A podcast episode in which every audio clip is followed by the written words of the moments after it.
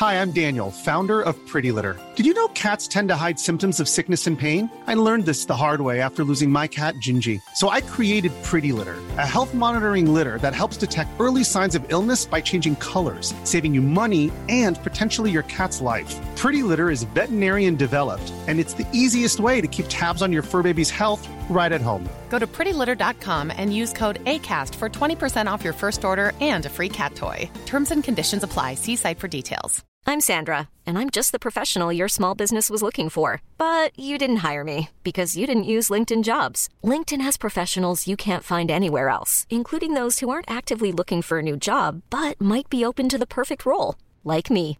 In a given month, over 70% of LinkedIn users don't visit other leading job sites. So if you're not looking on LinkedIn, you'll miss out on great candidates like Sandra. Start hiring professionals like a professional. Post your free job on linkedin.com/achieve slash achieve today. Hold up. What was that? Boring. No flavor. That was as bad as those leftovers you ate all week. Kiki Palmer here, and it's time to say hello to something fresh and guilt-free. Hello Fresh. Jazz up dinner with pecan-crusted chicken or garlic butter shrimp scampi. Now that's music to my mouth. Hello Fresh. Let's get this dinner party started. Discover all the delicious possibilities at hellofresh.com. Welkom bij aflevering 178 van de Vierkante Paal. We doen alweer een special, een interview met twee gasten wiens clubliefde buiten kijf staat. Ze kwamen hier aan met zes vlaggen, 39 tifos en acht brandende bengalen. Eh, ik ben Thomas Lembroek. Ik ben Robert Sels. Ik ben Bart Zelf. En ik ben Ziggy Sia. En we spreken vandaag met Antwerp Dynamite.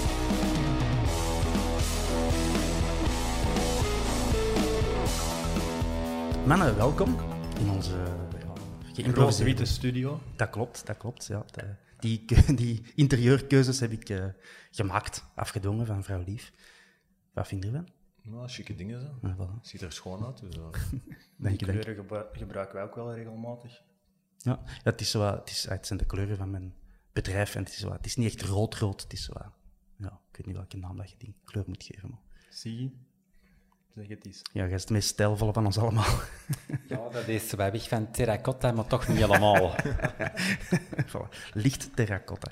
Eh Bart, Robbe, eh, merci voor naar hier te komen. Eh, we hebben er al een jaar of twee over gepraat of zo. Van, eh, misschien moeten we een Dynamite ook eens laten komen. Het is ervan gekomen. Klopt, klopt. Eindelijk. Voilà, top. Eh, we gaan gewoon van het begin beginnen. Bart, hoe is het allemaal begonnen met een Dynamite? Ja, op persoonlijk vlak eh, gewoon andere ploegen zien met fanatieke supporters, filmpjes bekijken. Ja, allee, gewoon sowieso. We gingen sowieso al naar een Antwerp. En dan bij andere ploegen tyfo's te zien en allee, van die ja, banners en van alles. En dan ja, op een gegeven moment beslist van, wilden we dat hier ook doen? En dan eh, ja, hebben we, zijn we, allee, hebben we dat met vijf man uiteindelijk beslist. Waarvan dat er uiteindelijk nu nog maar twee bij Dynamite zitten en dat zijn, zijn we zelf. Oké. Ja, zo? Klopt, klopt. En eh, dus dat was, dan hebben we uiteindelijk 20 mei 2014 zijn we, hebben we onze pa- fa- allee, ik denk Facebookpagina gewoon opgericht. Mhm. En dan zijn we begonnen met eh, ja, een ontwerpje te maken van een banner gewoon en, de- en dan laten drukken nog in Polen. Toen totaal nog, allee, Ja. dat is eigenlijk... niet, nog niet zelf geschilderd, waar we nu, allee, moesten we nu een banner maken. Allee, Ja. gewoon, dat zouden we nooit doen dat we nog een banner zouden laten Nee, drukken. ik, wist dat, ik wist dat vroeger ook niet, maar dat is, blij- dat is, dat is not done om eigenlijk iets te laten drukken. nee. Nee, klopt. Eh, normaal als veergroep is de bedoeling dat je je eigen banners maakt. Ehm, ja, dat is ook je passie voor de club, die je daarmee laat zien. Ehm, en er zijn uiteindelijk al genoeg andere mensen die banners ja, laten drukken. En, en ja, wij doen dat op onze manier. Dus zo, dat is eigenlijk dingen dat er een beetje achter zit. Nu- eh, Heb je die nog, die van Polen? Nee, nee. Die We hebben er toen twee kort achter elkaar laten maken. Dat was ene gewoon support your local football team, een witte met dan de skyline onder. En dan ons allereerste logo, dat was gewoon eigenlijk de, de, de rode cirkel met een bal van ons logo. En dan gewoon met zo'n Fred Perry-krans. En dan in plaats van Royal Antwerp Voetbalclub stond erin Against Modern Football. Ja. En dan van onder 2014, denk ik. Of nog zoiets, 1880, klopt. Ik weet niet. En dan iets later een andere banner laten maken. Eh, was het? Eh, onze, onze, onze stad, onze club, onze trots, Antwerpen. Ja, zoiets. Zoiets. eh. Ja. En dan, ja, dan heeft het wel even geduurd eer dat we echt onze eigen banner hebben gemaakt. Die hebben we dan wel zelf geschilderd. En dan was dat de introductie bij, de, bij een sfeertraining dat we hadden organ- georganiseerd. Ik denk dat we, dat we er met onze groep zelf met tien man waren. Mhm. En dat er dan nog vijf AOP'en stonden. en dat was... een groot en, en dan eh, eh, hongen al onze banners er, hè, de drie dat we toen hadden, één en eigen geschilderd. En dan, dan er twee achter ons. En dan wat rood-witte rookbommen gekocht. En ja, afgestoken en een beetje liggen zingen. En dan na vijf minuten is dat gedaan, want ja, dat is zo saai als iets. Allee, je staat er met tien man. En voor de rest is er niemand. Dus al, ja, zo is het wel begonnen. hè. Ja, klopt. Nu, ik wil er nog op inpikken. Ehm, voor mij persoonlijk is dat begonnen ehm, omdat ik op een festvergadering was geweest met mijn papa. En ehm, ik was toen aan het twijfelen om eventueel zijn functie over te nemen binnen zijn sportsclub van de Classics. Maar op diezelfde festvergadering werd er door, ja, ik denk, de Julien of zo in de tijd, iets gezegd van ja, we zouden naar de toekomst toch nog eens zo'n grote vlag willen laten maken, hè, want zo'n tifo, want dat al even geleden. En ik dacht, oh ja, dat klinkt mij wel interessant. En dan ben ik eigenlijk met dat idee naar de Wart gestapt in eerste instantie. En dan naar vier andere maten. En dan ja, zijn we gaan beginnen zoeken van ja, hoe gaan we dat juist regelen en, en hoe gaan we aan geld komen. Want ja, uiteindelijk dat kost allemaal geld. Ehm, en dan... ehm, dan Er hebben wordt we- ondertussen een foto genomen, de Ziggy Paparazzi. dan, eh, Dat is de socials, dan hebben we tijdens de eerste oefenmatch op Preschout, dat weet ik nog goed, dan hebben we wat stickers aangekocht, in, ook in Polen. Ehm, ja, dat was 3 cent voor een sticker of zo daar. hè. Dan verkochten wij die voor 50 cent op Preschout per sticker. En dat waren onze eerste centen waar dat wij aankwamen voor ja, dan materiaal te kopen voor onze acties. En dan hebben wij 400 euro opgehaald, maar dan konden we onze eerste banners kopen en Hmm. eh, wat verf kopen en, enzovoort. Ik heb er ook nog gekocht. Ja, dat kan. Dat, dat is ja, Ja, dat is- hetzelfde dat- ontwerp als die support your local. Dus, eh, Ja, ja, ja. ik heb die nog ergens liggen zelfs. ik, ben dan, ik ben dan te braaf om die effectief ergens op te plakken. ik heb die nog altijd ergens liggen. Dat is ook ook nog wel cool dat je zo van die attributen bewaart, vind ik. Ik ben dan zo een dat dat toch wel plakt. Nu, ik was curieus van waar die, die passie voor die fancultuur, voor dat, voor die, voor dat sfeergroepgedoe, voor, voor die banners, waar je dat eigenlijk... Want je hebt gezegd van met te gaan kijken naar, naar fanatieke Ja, ik, ploegsupporters. Waarop pikte dat op? Is dat gewoon puur op de Antwerp dat je dat, die microben te pakken hebt? Of is dat ergens toch nog ergens anders aangestoken? Ja, sowieso in eerste instantie op de Antwerp. Ja, op de Antwerp, allee, daarvoor weer sowieso ook al veel Bengalen en weet ik wel, allemaal afgestoken. Maar het was niet dat er zo tyfo's of zo waren. Dat was, allee, ja, wel, er, Heel er- zelden. Er was er wel een en zo'n gedrukte, maar voor de rest was dat niet. En ja, gewoon, ik weet niet hoe dat, hoe dat eigenlijk komt. Ik zeg het, ik ben, ben naar zo YouTube-video's video's beginnen zien van, eh, ik zal het maar zeggen, van Ajax, eh vak 14, die, dat die eh, elke, elke week een video plaatsen en gewoon daarna beginnen zien en dan zo, ja, gewoon er gefascineerd door geraken. Maar hoe dat, dat exact is gebeurd, allee, dat zou ik eigenlijk niet, niet zo goed weten. Ja, en uiteindelijk hier in België, op dat moment had je dat al bij Standaard. Standaard, die hadden al wat, ja, Ultras Inferno, die bestonden al. En ja, die hadden natuurlijk al regelmatig een tifo. En ja, je wilt ja, ergens dat op je club zulke dingen ook gebeuren om, om je, ook je passie te laten zien hè, voor, allee, voor je eigen club. Ehm, dus ja, maar het was vooral, ik zeg het, bij mij was vooral met de vraag op de FASC. Daar is het eigenlijk begonnen en dat ik zoiets van, ja, daar moet iets mee gebeuren. En, en ik weet niet, dat spreekt mij ergens echt aan om zoiets te doen. En omdat dat, omdat dat op de Antwerp nog niet echt was, dacht ik van, ja, waarom niet? Eh, in het begin was dat nu wel heel moeilijk, omdat ja, dat is iets nieuws en we weten allemaal, als er iets nieuws is op de Antwerp, dat is... eh, dat is niet altijd gemakkelijk. Eh, mensen moeten een beetje winnen. Je hebt eh 101.000 meningen op de Antwerp. Dus eh, ja, in het begin was dat een beetje zoeken en, en ja, Ja, aftesten. en van- dat wou ik ook nog vragen. Het is goed dat je er zelf op die manier over begint. Ehm, dat is ook een vraag van een luisteraar. Van ja, een kritische vrouw, dus ene die zegt gewoon van, eh, ja, is dat nou nodig? eh, iets in die hart van al die tifo-rommel op de bosel. En, en. En ik komen zeggen, niet iedereen is er, eh, is er even hard van gediend. Net zoals dat Ja, jij, jij en ik bijvoorbeeld misschien eh, cheerleaders geen plaats vinden hebben op de bosel, of weet ik wat anders. Iedereen heeft zo zijn eigen idee van wat die cultuur op de bosel juist moet zijn. Wa- wa- wat is uw antwoord dan, eh dan dat? Ja, ik weet niet. Allee, ja, dat is voor ieder zijn Ja. eigen mening. Allee, ja, ik kan er niet veel op zeggen. hè. Dat is die mensen mening. Als je dat niet wilt, ja, Mhm. spijtig, wij doen het toch. Dus ja, allee. Ja.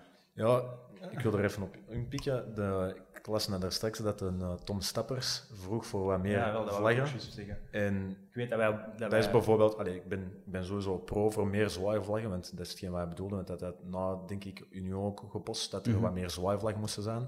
En voor mij is dat, ja, zou dat veel beter zijn.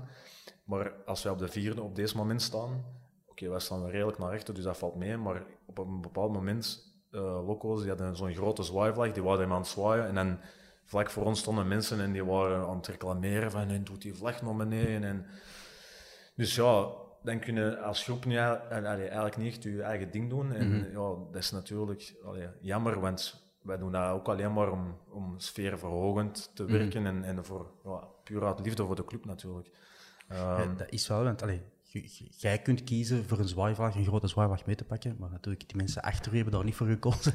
Eh, dat kan natuurlijk ook wel bedankt zijn voor die mensen. maar ik weet ook, op het begin, allee, ik, weet ik denk 2015 of zo, op Virto, hadden wij veel zwaaivlaggen meegenomen en hadden we een foto gedeeld op Facebook en dan waren er ook zo mensen van, oh, zijn wij standaard of hè? Allee, Ja, dat is wat ik bedoel, die- ja. Omdat die hè, altijd met een vlaggen constant eigenlijk Mhm. 90 minuten lang liggen te zwaaien. En op zich, dat was dan gewoon met de opkomst en dan af en toe, daarna wordt er door iemand nog eens wat gezwaaid of zo, maar... Maar ik zeg het, allee, ik denk dat, dat veel Antwerp supporters zo wat dingen hebben, zoals ik zal maar het voorbeeld nemen van Liverpool. Als de opkomst zijn er keihard vlaggen. En dan als na de opkomst, na de hymne van de Premier League of van de Champions League, dan gaan die allemaal naar beneden, allemaal weg. En dan tijdens de match zie je niks niet meer van vlaggen. Ja. Maar de, allee, dat vind ik, goed. allee, ja, ik vind op zich dat dat kan, maar dan moet dat een actie zijn, hè, bijvoorbeeld met allee, een, iets dat, dat dat rood-wit, rood-wit vormt of zo, zal ik zeggen. Allee, hè, een, een, pa- een patroon of, of, of een tekst of weet ik veel wat, maar niet dat dat gewoon even de opkomst allemaal keihard... Allee, dat kan niet zijn actie zijn, maar gewoon ik vind dat dat tijdens de match ook wel zou moeten kunnen. Mhm. Maar inderdaad, ja, dat is, die men- sommige mensen hebben andere meningen. En, ja, Ja. Er is er ook iemand eh, die jullie al voorgaat. De, als, als ik me niet vergis, heet die Mark Loo van het Vlaggencomité. Het Vlaggencomité was doorgaans hijzelf, die met de, die hele grote vlag ja, klopt. stond, eh, staat Klopt. nog altijd. Zo. Hebben jullie daar contact mee gehad toen jullie begonnen, bijvoorbeeld? Ehm, toen we begonnen niet echt eigenlijk. Ehm, dat is meer gekomen sinds dit seizoen. Ehm, met dat wij af en toe boven op eh, de vier moesten zijn voor eh, een bander van boven naar beneden te laten gaan. Ehm, en ja, in het begin van de wedstrijd ja, zwaait hij natuurlijk met zijn vlag. Maar zoals op het einde van het seizoen met een tifo tegen Brugge, ja, die tifo die kwam tot vlak boven zijn vlag. En als hij dan zo zit te zwaaien op dat moment, ja, dan, dan komt die vlag ervoor. En dan hebben wij met hem afgesproken van, is het een idee dat je je vlag vandaag ene keer naar beneden laat en dat je die gebruikt vanaf dat een tifo naar beneden is. En meestal doen wij een tifo ongeveer naar boven twee minuten voor de opkomst, dat we weten. En dan, wanneer de Jupiler Pro League hymne gedaan is, ongeveer gaat de, de tifo naar beneden. Dus vanaf dan is die mens vrij om te doen wat hij wil. Ja, dus dit je- is sowieso vrij, maar wij, wij Ja. wel contact met hem om te vragen van, is dat voor u in orde of is dat niet in orde? Er is wel een onderling respect. eh. Ja, dat moet ook wel een beetje, want anders dan had er niet veel gedaan. Oh, ja, voilà. En die mens doet het al twintig jaar of zo, weet ik Ja, veel. dat eh, klopt, klopt. altijd- En uiteindelijk ook, eh, allee, respect dat hij dat doet. Ieder, ik zeg het, ieder is zijn eigen fanbeleving. Hè. Ja. Dus, eh, Ik vind dat zelf persoonlijk wel de max, die, die banners. eh, en elke keer ook achteraf dat resultaat eh, mogen zien. Want ja, 9 van de 10 zit ik er zelf mee onder hè, als dat wordt gedaan. Maar ik vind dat ook, ehm, dat zorgt voor eh, die bepaalde opbouw. Dat je zoekt voor te pieken vlak voor die opkomst. Ehm, maar ik vind dat, volgens mij moet dat als speler ook waanzinnig graaf zijn om, om op te komen. Zo. Je voelt dat, dat, dat vuur, die vlam in die pen slaagt. Ik vind dat ondertussen een stukje onmisbaar geworden. En, eh, ik vind het wel grappig dat mij eigenlijk nu pas opvalt En je hebt zelf gezegd, je bent in 2014 gestart. AD 14. Dus busje 14. 14, ja. Dus dat komt, dat, komt dat daar ook van? Nee, Alles nee. is 14. Of is dat echt toeval dat je ook busje 14 hebt? Ja, omdat onze, alle supportersclub hebben een eigen nummer. Ja. En wij waren ervoor nog onder eh Antwerp Finance, dat was dat. Dat was van een Gorba toen nog. En eh, ja, die hadden gewoon een supportersclub nummer of busnummer 14. Dat is een pla uw plaatnummer. Hè. Die ligt van voor op de bus en dat is nummer 14. En dan, ja, doordat ja, dat, dat het niet meer Finance was, dat met de bus meeging, hebben wij dat... Allee, dus, Ja, ben eigenlijk ik een nieuwe naam veranderd. een nieuwe naam gezocht. Hè, dus eh, ja, alleen een nieuwe naam gezocht. Dat was niet moeilijk om te vinden, maar ehm, ja, het was met dat de Finest eigenlijk zo eh, stopte met de bussen. Dat was dan ook nog een aparte groep op de Antwerp. Ehm, dat wij eigenlijk inderdaad, busplaat, de busplaat was nummer 14. En eh, de Olly van het café, eh, die, eh, ja, die zei zo van ja, busje 14 en die ja, begon daar leakjes dat over te maken. En dat is eigenlijk, dan hebben wij een jaar later, denk ik, bij de FESC aangevraagd om onze naam te veranderen naar busje 14. Dus eh, zo is het eigenlijk ontstaan. Top. Gewoon door de busplaat. Maar Als wij, is- als wij busplaat 11 hadden gehad, dan hadden wij nu over busje 11 gesproken. Ja. maar- Ik vind dat mooi, dat toeval. Dat doet mijn... eh, maar ik merkte nu helemaal op het einde van het seizoen op Brugge ook een andere bus. En die waren niet aan het zingen van busje 6 of zo. Die waren, allee, ik had dat nog nooit gehoord. En die waren ook een lieken aan het zingen over een bus over busje 6. Ik dacht, amai, uh, binnenkort gaan we niet meer spreken over ASC Metropool, maar over busje eigen 1, nummer. 2, 3, 4, 5. Ik zou bij God niet weten welke busnummer de Fanatics heeft. Ik moet altijd zoeken, want meestal rijden wij in een van de zoveel Lauwersbussen en stond ik nee, kans van het team verkeerd. Dat is dat waarschijnlijk ook zo scheef als u. Ja, of meestal hang ik in de, de Wert zijn armen. eh. Dat gebeurt ook wel eens. ja. Eh, Zo'n grote actie, gelijk tegen Brugge thuis nu, eh, dit jaar. Hoe lang zijn er daarmee bezig qua voorbereiding? Dus eh, van uw eerste potlot eh, strepen? Drie jaar ongeveer. Nee, nee, dat is niet. Ik zou aan denken van... Ja, Ja, dat is... eh, ik zou het eigenlijk niet weten. weet nog de exacte het tijd, hoe lang Ah, dat we er hebben over Het is gewerkt. makkelijker om dat jij dat uitlegt, natuurlijk. Nu, ja, dat was wel een apart geval, omdat we speelden de halve finale op Kortrijk. Ja, we wonnen die. Dus ja, we gingen naar de finale en we moesten snel gaan handelen. Ehm, en dan moesten we ook natuurlijk stof bestellen in Polen. Want ja, we hadden niet zoveel stof liggen op voorraad. Dat ben nooit bekend. Ehm, je kunt dat niet bij de Veritas gaan halen of zo. Dat gaat. ja, pas op, er is een winkel op de, de Herentalse baan. Dat is eigenlijk een winkel voor Marokkaanse vrouwen voor sluiers te maken. En die verkopen ook echt stof. Daar verkopen wij soms ook wel stof, omdat dat iets dikker is. Maar dat is, dat is veel duurder. Ik zal zeggen, dat is, allee, voor een meter stof op anderhalve meter is dat 5 euro, euro of zo. Ja, ja, ja, dat is een goedkope, maar als je iets of wat beter wil, dan is dan 5 euro. Ehm, en in Polen bestellen we dat, allee, tot over tijd was dat 95 euro voor 100 meter stof op anderhalf. En dat is een speciale stof, die is niet zo dik, die eigenlijk dient voor tyfo's te maken. Dus ja, En maar dat duurt- brandwerend ook. Ja. dat Ah, ja. moet ook. nou, dat moeten we ook voorleggen aan de club. Ehm, maar ja, dat duurt dan dikwijls twee weken voordat het er is. Zo, ik denk dat we vijf weken de tijd hadden en dan hebben we direct de maandag erop besteld. En we zijn ehm, de we we hebben- we hadden gevraagd of dat ze expresslevering konden doen en dan was dat de week erna geleverd. En dan hadden we nog vier weken tot de bekerfinale. Dan de eerste week zijn we begonnen met tekenen. Ja, het stikken, sorry. Eh, dus Gekke werk, gekke werk. ja, dat is echt het lastigste van een tifo. Ja. Dat alleen, ook, alleen Bart en ik doen, zijn de enigste die dat doen, het stikken. Ehm, de rest van de groep komt wel helpen met het stof aan te geven. In het begin is dat makkelijk, als je de eerste vijf meter stikt, dat is niet zo zwaar, maar op den duur, als je stukken van 7,5 op 100, 100 meter, bij wijze van spreken, ja, dan begint die stof serieus te trekken. Dus ja, dan heb je genoeg volk nodig om dat mee te begeleiden door je stikmachine. Dus ja, de eerste week was dat stikken. Ehm, de tweede week, dan leggen wij rasters. Dus wij eh, maken vakjes van een meter op een meter. Wij leggen dat dan metaal van de ene aan de andere kant, eh, zodat je ja. een vak van één vierka- eh, Ja, een vierkante vierkante meter. creëert. En dan hebben we een papier waar dat die, het ontwerp op staat, met diezelfde vakjes. En dan gaan we eigenlijk elk vakje één voor één overtekenen in, in een vakje. Maar dat kan ook niet iedereen, want ja, niet iedereen is even goed in tekenen. Ja, zoals eh, met een tifo tegen Brugge. Dat zijn allemaal letters. Dat moet redelijk recht zijn. Ja. Dus natuurlijk, als je een lijn trekt dat schots en scheef is, ja, dan moet wel een beetje recht zijn natuurlijk. Ja. En dan nog, niet alles is ook super recht, maar dat zie je niet. Nee, van Allee. afstand, hè. Nee, zeker niet op die grootte. Dus, en dan, ja, dat zijn ook maar ik denk vier of vijf of misschien zes gasten van ons die dat kunnen of willen doen. Omdat ze, want er zijn heel, heel veel bang voor fouten te maken. Die zeggen van ja, we gaan dat niet doen, want ja, wie het fout tekent, dan is heel de tifo naar de knoppen. Ehm, dus dat is ongeveer, ja, pakt ook een week, want bijvoorbeeld met een tifo van Brugge, we, we, we werken op de eerste verdiep, op de Mosel, maar die palen zijn 7,5 meter en het tifo was 15 ietsje meter hoog, dus we moeten dat in twee delen doen. Dus ja, resters liggen, afhalen en dan nog eens terug resters liggen, tekenen en terug. Dan zit ik quasi elke dag op de club in zo'n week. Of? Ja, ik moet echt eh, af en Ja. toe zeggen van ja, Dat is sowieso, volgende week woensdag ga ik nog eens één dag thuis blijven, maar voor de rest, zeker ik en Wart was een, ja, Dat is, eigenlijk na praktisch het- drie weken na dat wij werk slapen op de bos al. Vijf uur, om vijf uur gedaan met werken. Dat is nou wel juist achter de hoek. Dus gewoon rechtstreeks naar een boswel. En dan soms dan was dat nog training daarna om uh, half acht. Dus dan was dat, ik zal zeggen, twee uur gaan eh, Hmm. tekenen op een boswel. Dan naar de training. Na de training nog eens terug, even een paar uurtjes. Of anders gewoon van eh, na je werk gewoon kwart na zeven, eh, kwart na vijf tot soms elf uur, twaalf uur dat je er zit.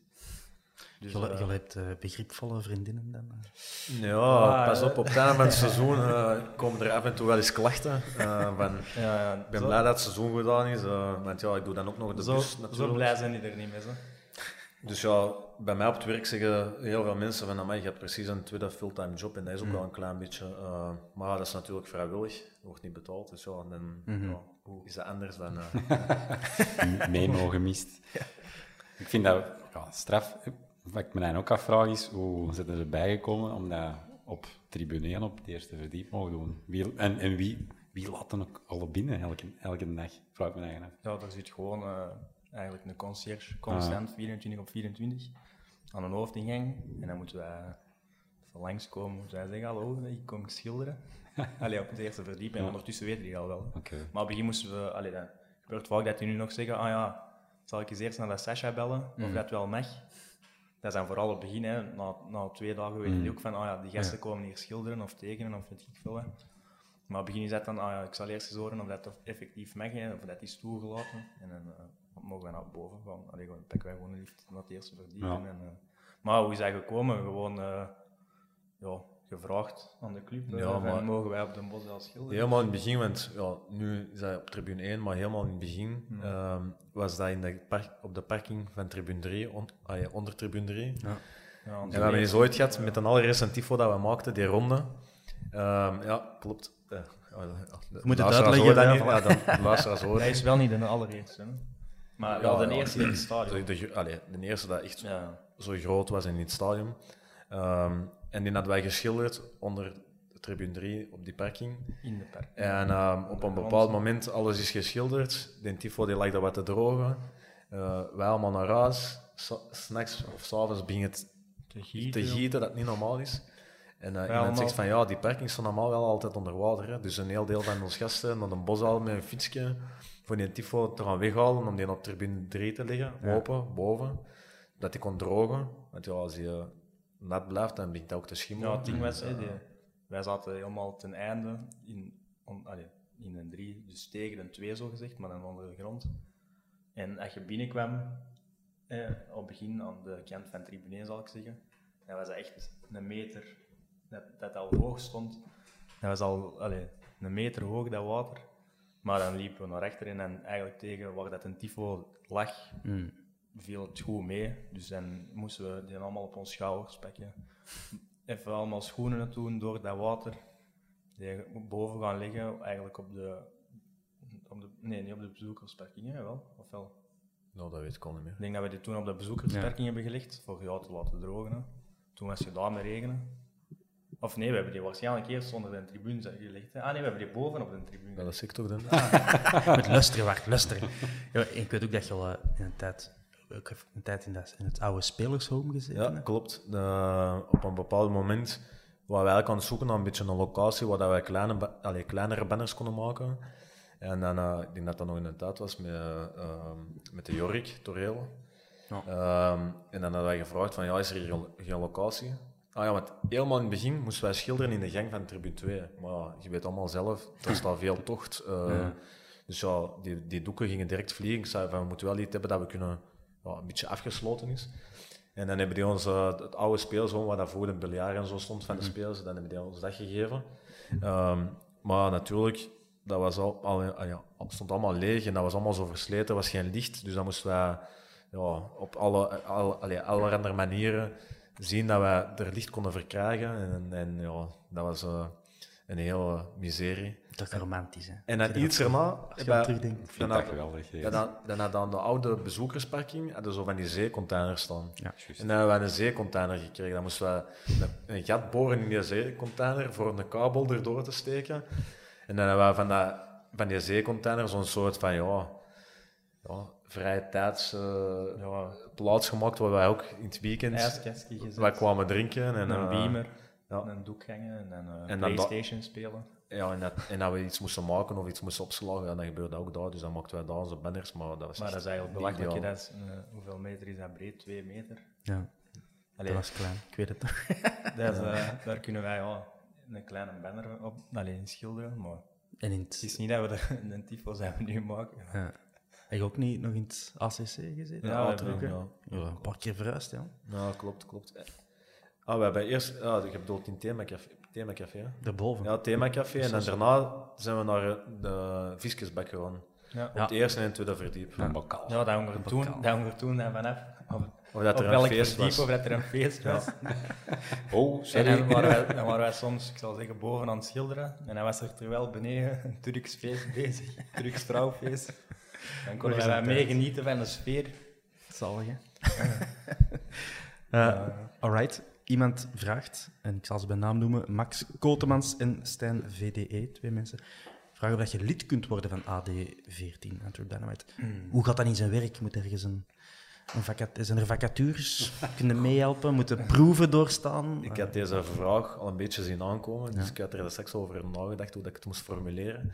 Ehm, maar eigenlijk, bij Dynamite, de meeste mensen die bij Dynamite zitten, zijn eigenlijk allemaal vrienden van iemand van Dynamite. Of van, allee, ja, in het begin hadden wij, we hadden gewoon ons vastgroepje waar wij ervoor mee naar Antwerp gingen.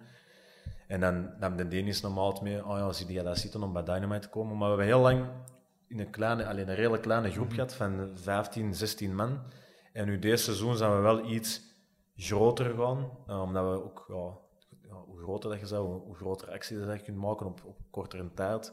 Maar ook gewoon voor onze zichtbaarheid in, in het stadion, op verplaatsing. ehm, dat we zeker altijd op verplaatsing, en dat is nog niet massaal groot, maar dat we toch altijd op verplaatsing met 20, 25 mensen zijn, omdat je dan toch wel iets of een verschil kunt maken op verplaatsing van de sfeer.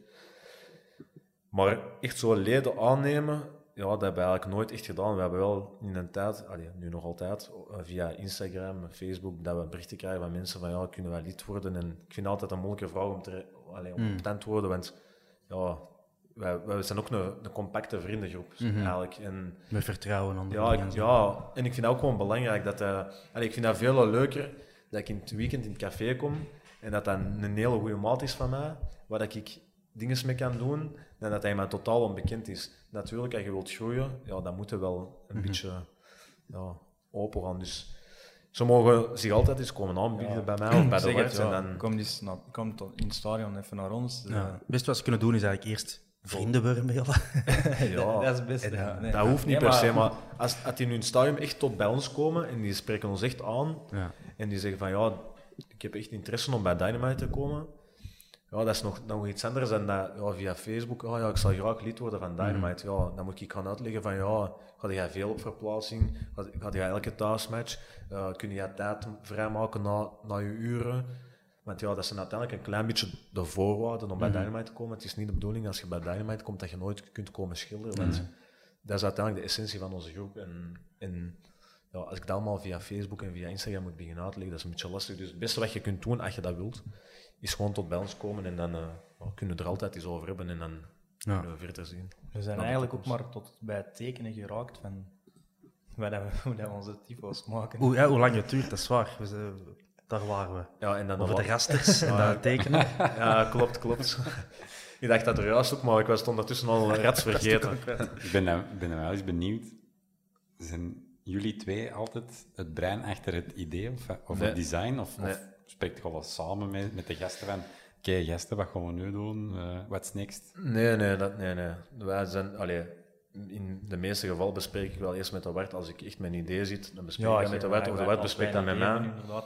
Maar uh, wij hebben eigenlijk een, een, een, kleine groep, een aparte, want ja, wij communiceren meestal via WhatsApp. En we hebben eigenlijk twee aparte groepen. We hebben één groep met gewoon alle leden in en we hebben één groep met zeven man in. Um, en dat zijn eigenlijk de gasten die er al het langste bekend bij zitten. En ook degene waar we toen op dat moment het meeste vertrouwen in hadden. Um, waar, dat, waar dat we dingen mee bespreken in verband met ideeën. En soms, ik zal zeggen, de Jenny bijvoorbeeld, die zegt van, oh, kunnen we dat niet doen? Ja, dan gaan we dat bespreken en dan mm. fine-tunen wij dat een beetje. Of zeggen we gewoon, ja, misschien deze een klein beetje veranderen. En dan in onze groep zit nu tegenwoordig ook onze fotograaf. Die is er twee jaar geleden bijgekomen. En die is nu ook onze grafisch ontwerper. Want we hebben een hele tijd een grafisch ontwerper gehad. En dat was een vriend van ons uit Los Angeles. Maar ja, met dat uurverschil, dat was niet altijd handig voor, uh, voor alles te bespreken. En die, die deed dat ook voor zijn eigen club. Bij, dus, die doet eigenlijk hetzelfde bij Los Angeles Galaxy. Galaxy. Galaxy. ja. Dus ja, dat was niet zo handig. Uh, maar nu bij iemand. Ja, en daarvoor had ook nog iemand anders uit onze groep zelf. Hè. Ja, klopt. Maar die is eigenlijk ja, ja gestopt. Die kwam, ja, die kwam te weinig en gestopt. En die, die, hmm. die, woont nu in Holland, dus ja. Ja. Alright, maar dus vanaf dat tekenen? Ja. Hoe lang duurt het dan nog? Dat, dus tekenen was klaar. Um, en dan hebben wij nog één week gewerkt aan het schilderen. Uh, dus twee dagen, allee, eigenlijk vier dagen um, per kant. En de laatste dag, de vrijdag, hebben we toen opgeruimd. Nu ja, op maandag denk ik, dat toen het nieuws kwam dat corona in ons land was. Lockdown. En dat de finale waarschijnlijk niet ging doorgaan. Um, en een dag later kregen we dan de bevestiging van de finale. Dus ja, we hadden alles, allee, alles op alles gezet uh, voor een tifo die dat we dat niet mochten doen. Dus dat was wel zuur op dat moment. Uh, maar ja, we hebben het nu kunnen doen tegen Brugge. Uh, dus ja, en dat was ook goed gelukt. En, maar ja, het was dus leuk voor die grote drie weken? Ja, maar normaal gezien iets langer wel. Normaal, Deze, ja. nu normaal echt... zouden we dat meer spreiden. En, ja. dan zouden we zeggen van doorwerken, die dagen in die week. En heb je dan altijd zo verschillende projecten die door elkaar lopen? Of is er altijd gewoon Hmm. één, uh, één project tegelijk? Nee, meestal is dat gewoon één grote tifo.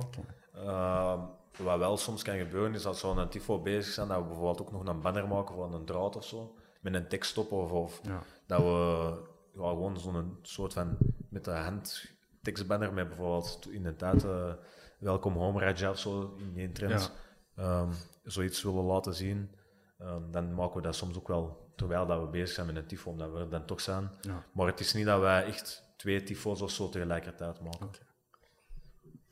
Alright. Plan de gewoon op voorhand in, bijvoorbeeld, van in de kalender. Die match, thuis, zeg maar iets, tegen die van Kiel. Ja, we belangrijke wedstrijden wordt dat wel geregeld gedaan. Hè. Ik zou zeggen, met Kiel dan, eh, we wel iets doen. Mhm. Eh, We hebben nu ook eh, de twee matchen tegen het Kiel hebben we alle twee een actie gedaan. Dus ja, dat wordt wel in de agenda natuurlijk direct aangeduid. Maar eigenlijk daarvoor werd dat niet zo, zo vaak gedaan eigenlijk, dat we echt zo op voorhand, ik zal zeggen op het begin van het seizoen, samen gaan zitten en dat we dan zeggen van die, die, die, die, die match. Maar eigenlijk, meestal komt dat gewoon zo van, ja, een paar weken daarvoor van, ja, eh, het is nog eens tijd voor een tifo eigenlijk. Mm. Alleen een maand op voorhand of zo. En dan zeggen we van, oh ja, die match, dan eh, zullen we nog eens uitpakken of een actie op verplaatsing doen of zo. Maar we hebben nu wel, juist vorige week eigenlijk nog samen gezeten. Hebben we al Niks verraden, hè? de, de eerste helft van het seizoen, zoal gezegd, van wanneer dat we ongeveer een actie willen doen. Dus nu hebben we dat al wel gedaan, maar eigenlijk daarvoor deden we dat eigenlijk niet. Allee, ik, ik zeg het zo, hè, zoals tegen Beerschot, ja, dan, dan die matchen, ja, die duid je wel aan, maar voor de rest niet echt. En weet wat ook is? Zoals bijvoorbeeld die actie op Leuven, dan waren het nog twee speeldagen voor de play-offs. Ja, dan wilt je nog eens duidelijk maken aan de spelers van het is wel echt belangrijk. ehm, alles moet op scherp staan. En dan eh, hebben wij die actie gemaakt met vecht voor een shirt. Gewoon met dat een belangrijk moment was, omdat we anders misschien de play-offs niet gingen halen. En Pure porno was dat. Ja, en dat dan vond ik echt... de laatste actie op Union was eigenlijk ook zo. Hè. Dat, dan wouden we even gewoon nog laten weten van no matter what, ook al verliezen we hier tegen Anderlecht met 4-0, eh, Mhm. verliezen we, allee, laten we Brugge thuis een titel pakken tegen ons. We willen toch nog even laten weten van, allee, Antwerpen is tot de dood. Allee, hè. En dan heb ik, heb ik ook vlak, allee, heb ik dat denk, gezegd na de match tegen Brugge van, ja, kunnen we tegen u nu ook nog niks doen? En dan kwam er af met, ja, Antwerp tot de dood, zoiets in die trend. En dan heb ik een foto liggen zoeken van de Ricci. Dat is dan die foto van op het kiel, dat hem zo eh, allee, euforisch was. En ja, dat past er gewoon perfect bij. En dan hebben we dat op een weekje, allee, op, ik denk op drie dagen, dat, dat we dat toen hebben geprojecteerd en dan eh, geschilderd. Want ja, als we, een banner maken, dan wordt dat wel geprojecteerd. Hè. Tyfo's, dat is dan via de raster en zo. Maar dat we een, wij kunnen een banner tot drie meter hoog kunnen we eigenlijk projecteren. Dus die- een banner tegen Beerschot thuis, eh de schoonste diamant van stad, dat is een banner dat we ook nog kunnen projecteren eigenlijk. Omdat we tot drie meter hoog kunnen gaan. En die, die grote banners zijn altijd drie meter. Oké. En vanaf dat we daar boven gaan, al ja, dan moeten we ja, beginnen met rasters en dan is een serieus extra werk. Want ja, als je dat kunt projecteren, dan is dat makkelijk op. Allee, tegen, tegen Beerschot zal nu wel wat langer dan eh, drie dagen hebben geduurd, maar ik zeg het zoals even tegen Union, dat is op drie dagen dat dat klaar is eigenlijk. Ja. Kijken jullie ook naar andere groepen van andere clubs voor inspiratie? Of je- bewust niet? Goh, eh, echt naar andere groepen kijken voor inspiratie op te doen. Ja, je kijkt altijd wel naar, als, er een actie bijvoorbeeld deze afgelopen weekend is in Duitsland, ja, dan ja, bekijkt je die actie wel. En kijkt er bijvoorbeeld wel af en toe naar de patronen die erin zitten. Dus ik zal zeggen, als ze werken met, zeg maar iets bij Dortmund, met een streep van ongeveer 10 centimeter zwart, 10 centimeter geel en zo heel een tijd. En je vindt dat dat schoon oogt. Ja, daar kijken wij wel Ja, af de techniek, zo, ja, zo een Ja. beetje de techniek. En ook, ja, die maken soms ook filmpjes achteraf. En dan zie je ook hoe dat die dat maken. En daar kunnen we wel iets van, allee, iets Mhm. van opvangen en iets, iets uit leren. Maar echt andere ploegen gaan nadoen of, of, of een idee van dat ze nu hebben gedaan overpakken. Ja, nee, dat doen we niet. We zijn altijd, allee, proberen altijd origineel te zijn en we maken onze eigen actie. En, ja, en dus copycat is maar Mhm. een beetje stom natuurlijk. Het- Jullie maakten vroeger ook YouTube-video's eh, van bepaalde projecten. Die vraag kreeg ik ook van Niels de Wolf. Komen er nog? Goh, dat was in een tijd dat we ene gasten in Nielsen er eigenlijk heel de tijd mee bezig en die, die kon dat heel goed. Ehm, maar we zijn nu over laatst begonnen met eigenlijk fotoverslagen, eh, praktisch elke wedstrijd, om een ander de support een ander Ja. beeld te geven over hoe dat onze matchbeleving is, van, tot, van in het café tot in het stadion, of van in het café met op, tot op de bus en tot in het stadion op verplaatsing. Ehm, een video kan er altijd nog wel eens komen, maar dat zal dan eerder zijn als we echt nog eens een grote actie gaan doen.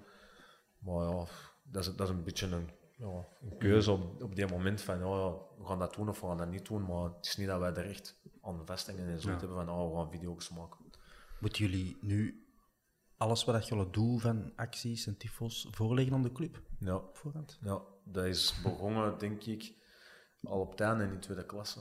Ehm, maar toen was het in het begin nog wat gemakkelijker. Dan was dat soms één dag of je vroeg dat 's ochtends aan en je had s'avonds al antwoord. Kan jullie vertellen, wij hadden die actie van Brugge eigenlijk al doen in de reguliere competitie. En ik heb die actie aangevraagd ergens in augustus of zo, voor in de match in september. Ik weet al niet meer exact de datum. Ehm, dus anderhalve maand op voorhand of zo. En wij hebben, denk ik, vijf dagen voor de wedstrijd uitsluitsel gekregen dat de sfeeractie niet kon doorgaan. Dus ja, het duurt allemaal wat langer. En, Heb je een vast contact met de club daar, voor waar je terecht mee kunt met zo'n vragen nu? Want Ehm, de club ja, en bereikbaarheid. Ja, klopt. Eh, dat is inderdaad niet altijd gemakkelijk. Voor ons is dat nu iets gemakkelijker, dat, want we hebben inderdaad een vast contact.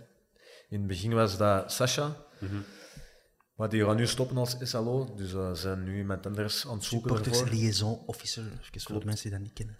Ehm, dus nu tegenwoordig, allee, ik stuur dat nog wel altijd naar Sasha, maar eigenlijk is Frank onze man wat dat wel eens moeten voorleggen, omdat dat ook de veiligheidsverantwoordelijke is. En die moet dat dan voorleggen aan de politie. En als de politie dat goedkeurt, dan is het in orde. En De Frank dat- politie, de politie moet dat goed kunnen. Ja, En naar boven toe ook, hè. ja, en naar boven ook, toe ook. Ja. Naar uh, Sven Jacques of, of Paul Gijsens zelf waarschijnlijk ook, denk Ja. ik. Misschien komt Ria met een paar suggesties. eh Ja. Zou die hier geen bloemetje kunnen zetten en kan dat niks, niks familialer uitstralen? Man. Ja, nu zeg je iets. Wij, wij gingen dan wel tegen Beerschot eigenlijk een andere actie doen. We hadden eigenlijk... Ja, ja, Je moet, Je moet nog niks ver- je moet verraden niks als je, verraden als je het later nog wilt doen. hè. Ja, het is misschien nog een idee voor later. Ehm, dus we wilden een actie doen, maar we hebben een hele tijd, eh, lang, alleen, een lange tijd aan mij, eh, een tifo-verbod gehad van de club. Ehm, en dat was omdat er te, denk na Frankfurt thuis, omdat er te veel pyrotechnisch materiaal was. En toen hebben heeft de club gezegd van ja, er mogen de eerstkomende wedstrijden mochten ook een kleine banners binnen voor niemand. Niet voor kindjes, niet voor vrouwen, voor niemand. Ehm, en dan hebben ze ook een tifo-verbod uitgesproken dat wij uiteindelijk geen tifo mochten doen. Ehm, dat je duurt tot vlak voor Beerschot thuis. Ehm, en dan zijn we naar boven gestapt. Allee, heb ik Sven Jacques gecontacteerd. En heb ik gezegd van ja, zeg Sven, eh, er gaat toch iets moeten veranderen, want ja, anders heeft het geen nut meer dat onze groep ja, verder blijft bestaan. Want dat is uiteindelijk ons hoofddoel. Eh, dan hebben we er een gesprek gehad. ehm, met een aantal voorwaarden in het begin. eh, dat dat niet kon gebruikt worden voor pyrotechnisch materiaal en bla bla bla en, en, en zulke dingen. Ehm, trouwens, ik ben niet tegen pyro, ik kan het al zeggen. Dat was, was mijn volgende vraag. Ja. Ik ben, ja, zwart. En dat zullen we subiet dan verder bespreken. Ehm, maar dat was een, een voorwaarde dat we een actie mochten doen. Ik vind dat ook belachelijk. Maar ja, langs de andere kant, op dat moment moeten we ook een beetje nemen, omdat ja, anders kunnen we Ja. de hele tijd niks meer doen. Dus daarom hebben wij toen bewust gekozen voor die banner ehm, van de schoonste diamant van de stad, die eigenlijk niet over het publiek kwam. Mm. Ehm, En dat was dan ook weer heel last minute, hè, want we hadden dat dan aangevraagd en dan heeft echt ook, ook weer een, denk ik, Ja, we eerst- week geduurd voordat we een nee kregen. En dan hadden we nog drie dagen of zo. Of, allee, Ja, het zal niet voor de wedstrijd. Meer, meer, ik denk drie of vier dagen hadden we nog. ik denk dat dinsdag was, dinsdag dat ze uiteindelijk in de- in de namiddag in de we hebben de, gegeven. denk ik de vrijdag af. De vrijdag zal de af zijn geweest, denk ik. En dan hebben we de zaterdag nog eh, alles opgekuist. En dan eh, de zondag was match, dus ja, dat is ook maar een heel kort dag. Wat vinden jullie van Pyro? Wow. Out of the blue. Thomas. Ik vind, Zo onvoorbereid. ik vind Pyro eh, sowieso sfeerverhogend. Ehm, dus ja, in, in mijn geval. eh, In mijn geval ben- ook trouwens. Hè. Ik ben pro, Volg mijn broer zijn mening. ik ben pro Pyro, dus eh, ja. Ja, maar het gevolg is natuurlijk wel, ja, we kunnen er ook niet aan doen, maar het kost de club geld.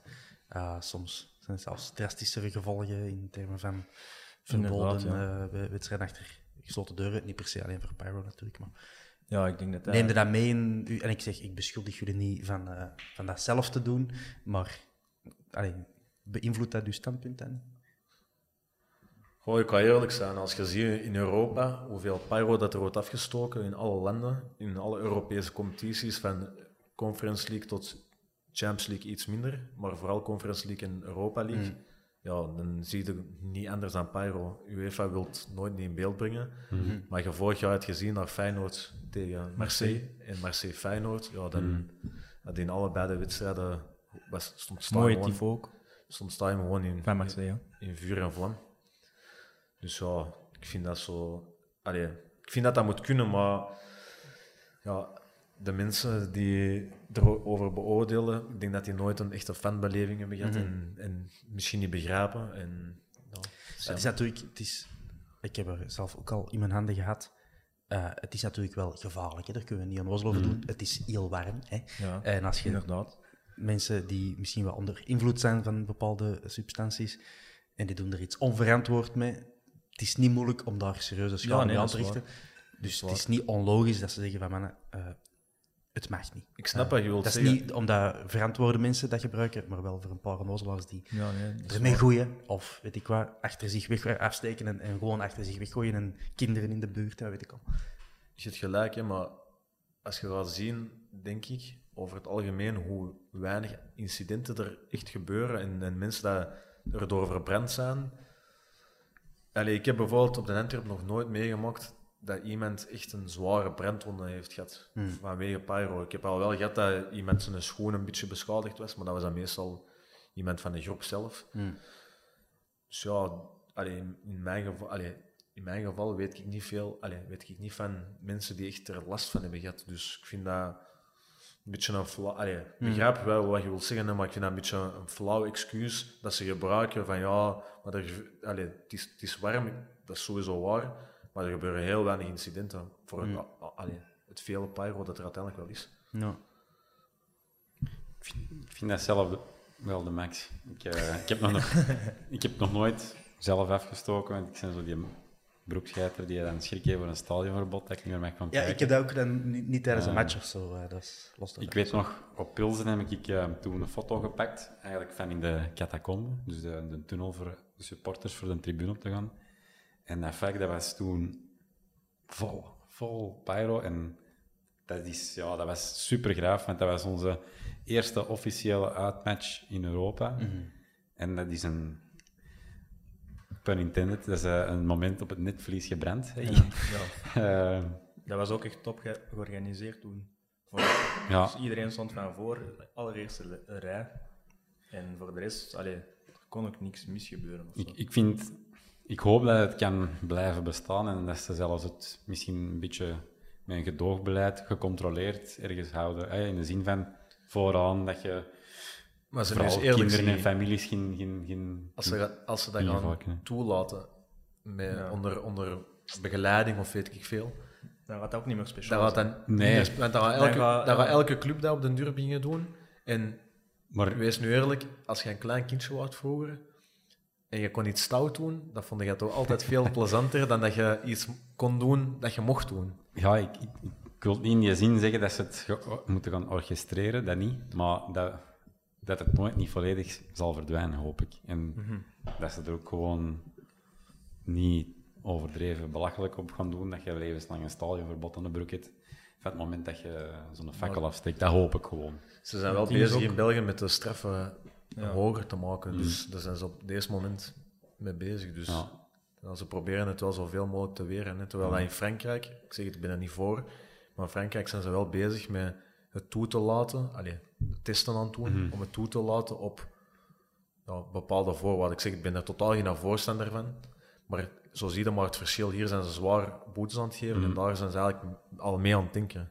Dus Ja, ik heb het al zelf meermaals uitgesproken, onder andere in de podcast, op sociale media, dat ik vind sowieso dat zowel alles wat dat te maken heeft met ja, organisatie, pro-league, eh, noem maar op, dat die nul verstand hebben van fanbeleving. En voor de fans, dat vind ik de grootste truth. Dat die durven uitspreken en in hun mond nemen, daar word ik elke keer fucking kwaad van. Beseffen zij bij de club dat dat een, een cruciaal onderdeel is van ons DNA, die banners, die sfeer? Beseffen ze dat echt? Of, want, allee, tenslotte staan jullie in contact met de club over zo'n zaken. ik denk dat sommigen op de club dat zullen begrijpen. Ja. Ja, Ik zal het zo zeggen. Sven Ik denk die- dat het hoofd van onze club dat niet zo, niet zo begrijpt. En zijn vrouw ook niet. Maar ik denk dat mensen daaronder, die er al langer zijn, dat, dat, wel, dat die wel weten dat dat een beetje een soort van ja, iets is dat bij de club hoort. Allee, het gebeurt overal, hè, maar op de Antwerp gebeurde dat vroeger. Als je ziet naar die foto van in, tegen in ja, Ingelmünster. Maar dat was ook de eerste echte keer dat dat gebeurde met Antwerp, denk ik, hè, tegen Engelmünster. Ja, klopt. Maar dan zie je Ja, dat dat toen wel... kwam dat echt wel zwaar op in België natuurlijk. Een Ja, x-aantal jaren, allee, begin 2000 was dat zeker. Dan kwam dat inderdaad echt zwaar op.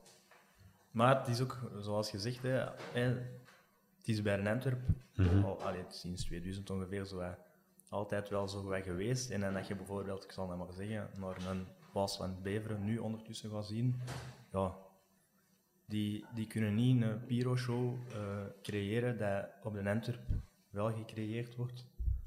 En als die dat dan wel ineens kunnen, ja, dan is er ook niks meer, niet meer speciaal aan. Mhm. En ja, het is verboden, ja. Een vraag van een luisteraar was: eh, liever georchestreerde of georganiseerde pyro of geen pyro? Het liefst zijn al gewoon illegale paaien. Als je moet kiezen. Ik heb er net al gezegd, als je een kindje iets gaat verbieden en die kan iets doen dat hem niet mag doen, die gaat altijd veel liever dat doen dan dat hem iets Maar dat je hem bent wel mag doen. niet meer. hè. Ja, toch nog, toch nog een klein beetje op dat vlak. en voor alle duidelijkheid, ik ga, ik ga er ook niet over liegen, maar ik heb al in het verleden al een paar keer pyro afgestoken, maar, en dat wil ik zeker benadrukken, dat is niet de hoofdzaak van onze groep. Mhm. Het is al wel gebeurd, maar het is niet onze hoofdzaak. Dat wil ik even meegeven. Ja, de hoofdzaak zijn De acties, tyfo's. tyfo's, Vlaggen, banners. sfeer. De sfeer naar boven krijgen. Ja, In het algemeen. heel hard uw bakken opentrekken. Hoort dat er ook bij? Zeker. Liefst wel, ja. Allee, ja. Als Ja. je bij onze groep komt en je zit eh, constant op je gsm, ja, dan zal er rap liggen. Allee, Ja. maar even kort te zeggen. Maar het is gewoon zo. Allee, we hebben al gasten gehad die niet komen schilderen, amper naar de matchen uiteindelijk komen. Ja, dan zitten niet in onze groep op de juiste plaats, zal ik zeggen. Hè. Oordoppen insteken, linde thee drinken. Echt, sst, mannen, zo luid. Ik wou een Bob Ja, niet maar- vernoemen, maar in dit geval. Ja, maar ja, die mens die ga ook niet vragen van mag ik bij een dynamite komen natuurlijk. Hè. Of misschien Die wel. wil, die wil misschien Misschien wel, al vandaag wel. maar die wil misschien wel een intense vriendschap opbouwen. Maar ja, Maar dat mag, hè. wij zijn ook vrienden, hè. ik ben sympathisant van de Maar jij bent ook wel fanatiek, hè. Ja, ja dat, Ah. Dat is waar, ja. maar, bon, buiten alle sfeeracties, banners, tyfo's, gaan even terug tot naar 2020. Hebben jullie ook alle van al een beste kant laten zien?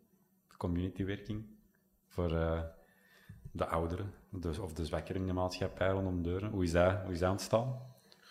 Goh, eh, eigenlijk een beetje omdat er was een dode tijd. Ehm, er was niks te doen. ehm, en wij hadden zoiets van... De verf was op. Ja, klopt. We hadden de tyfoasjas gedaan. Ehm, nee, maar we hadden vooral zoiets van... ehm, we kunnen op een, ook op een andere manier ons laten zien. En, en zeker omdat ja, corona toen uitbrak en dat is spraken over een ernstige, er, maar ernstige ziekte. En ehm, dat de ouderen het best niet konden buiten komen. En dan zijn we erover beginnen nadenken van ja, kunnen wij niks betekenen voor die oudere mensen? Want als die niet naar buiten mogen gaan, ja, hoe gaan die dan hun boodschappen doen en, enzovoort. Ehm, als die hun tuin niet kunnen doen, want die kunnen geen tuinman laten komen. En zo is eigenlijk een beetje opgekomen. En dan hebben wij in het begin een bericht online gepost dat wij ouderen wilden helpen. Ehm, met hun tuin, met naar de winkel gaan enzovoort. En dan is er in het begin eh, wel een beetje reactie op gekomen, maar eigenlijk niet echt effectief.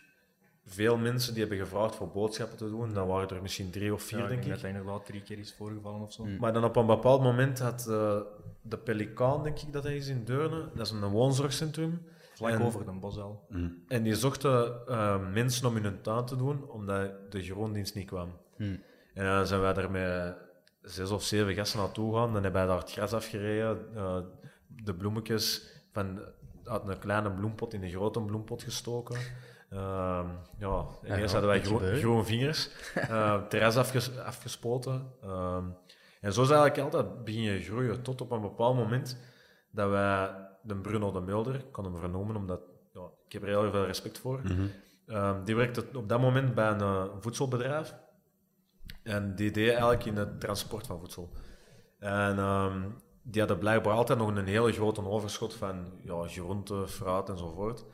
En eh, waar dat die mee bleven zitten. En ja, met corona ja, waren er ook heel veel mensen die niet konden gaan werken. Dus het geld dat raakte bij sommige mensen wat sneller op. Ehm, en dan hebben wij gezegd van ja, dat voedsel kunnen we misschien wel gaan verdelen aan de mensen die het wel nog nodig hebben, die niet kunnen gaan werken, die het sowieso al niet breed hebben en nu zeker, zeker niet.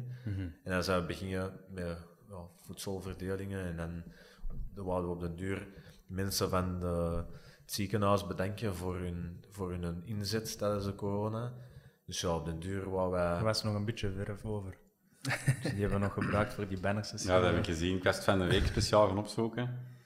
En toen viel mijn Frank terug opnieuw van, Ah ja, die, mannen dat, hebben was, echt... eigenlijk- dat was eigenlijk het eerste wat we hebben gedaan. Ja, En dan hebben we daarna gezegd van, toen, we willen niet alleen maar, we willen niet alleen maar, morele steun. Ja, je wil echt een steentje we willen bijdragen. een steentje bijdragen en, en, en echt effectief iets doen. En dan zijn we begonnen met die oproep voor die oudere mensen en zo is dat telkens maar geëvolueerd tot...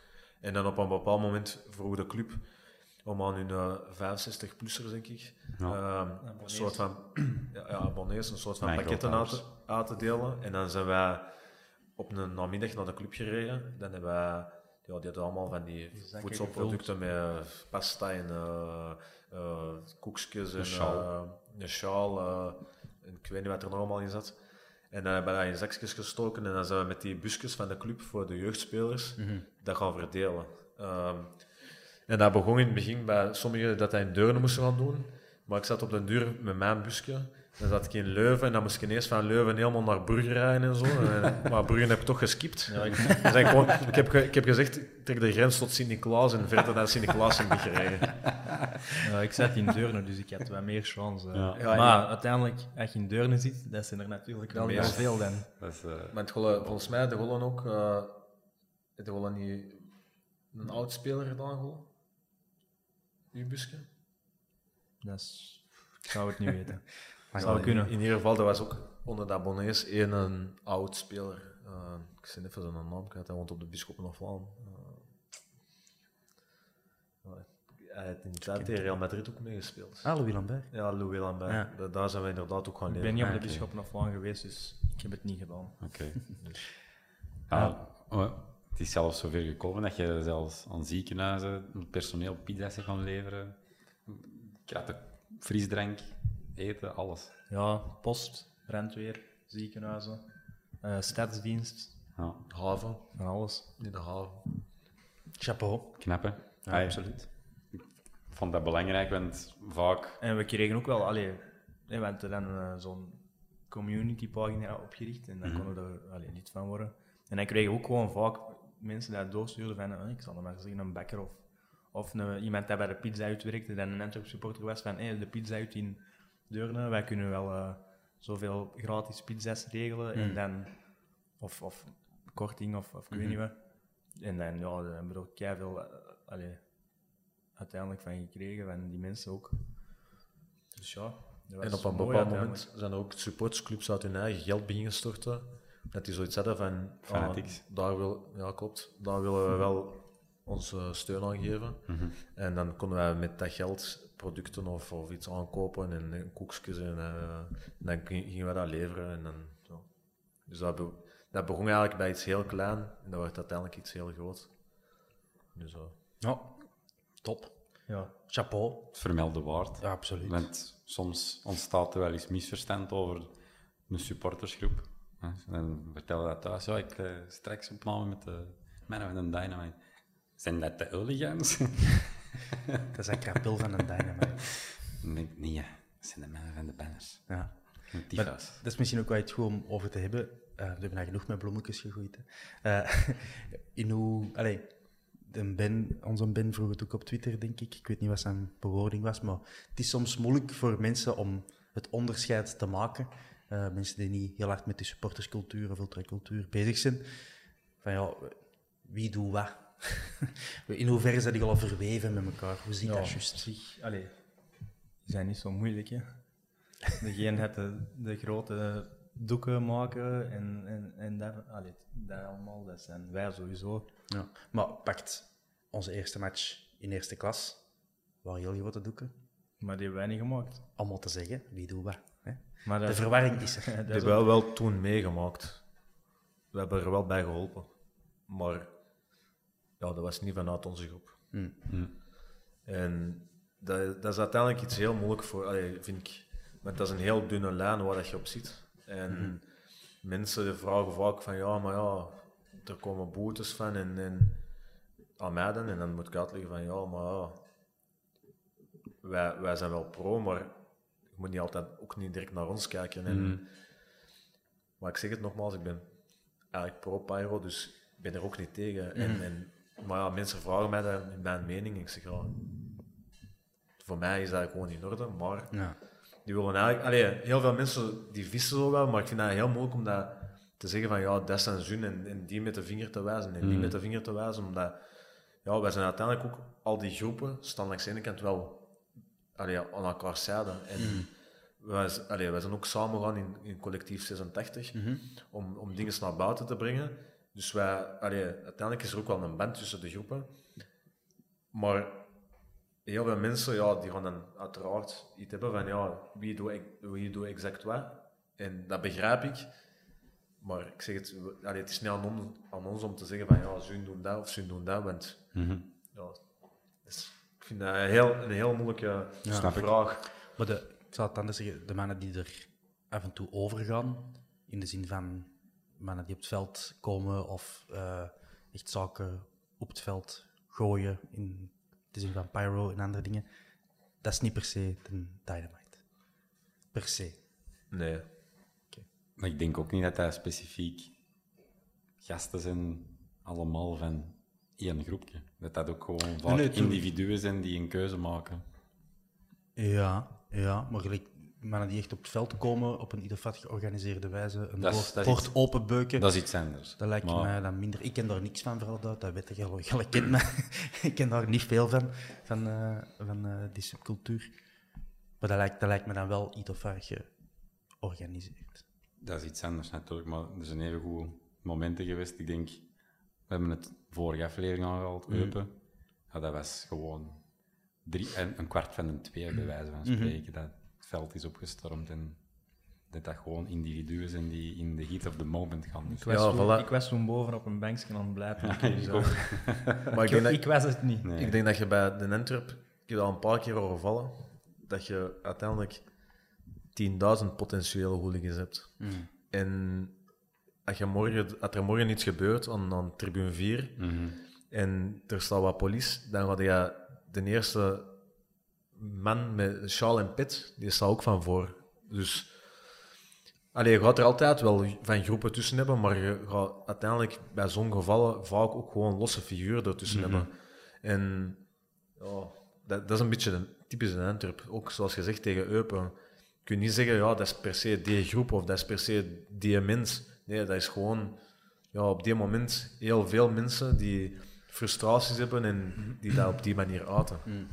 Je hebt dat inderdaad, maar je hebt ook, allee, laat ons ook niet blind zijn, mannen die echt wel op een georganiseerde manier allee, voortdurend regels overtreden. Hè, of het stadion binnenkomen met stadionverboden door over alles te klimmen. Ik. Dat zijn geen gewoon gasten die, die in the heat of the moment iets doen. Dat is wel degelijk iets of wat georganiseerd. Ik even niet zeggen. Ja, Er is niemand van Dynamite en stadionverbod, hè, dus dat kan dat wel zie je. niet. Ik ben de laatste, ik ben de laatste trouwens dat stadionverbod tegen. En dat was... eh, Dan wil ik echt voor- wel weten wat je had gedaan. Dat was voor een Romeinse hè, dat is zo'n dunne, lange staaf, en dat schiet er zo af en toe een groen en een rood vonkje uit. En dat was voor aan te kondigen, de corteo gaat vertrekken.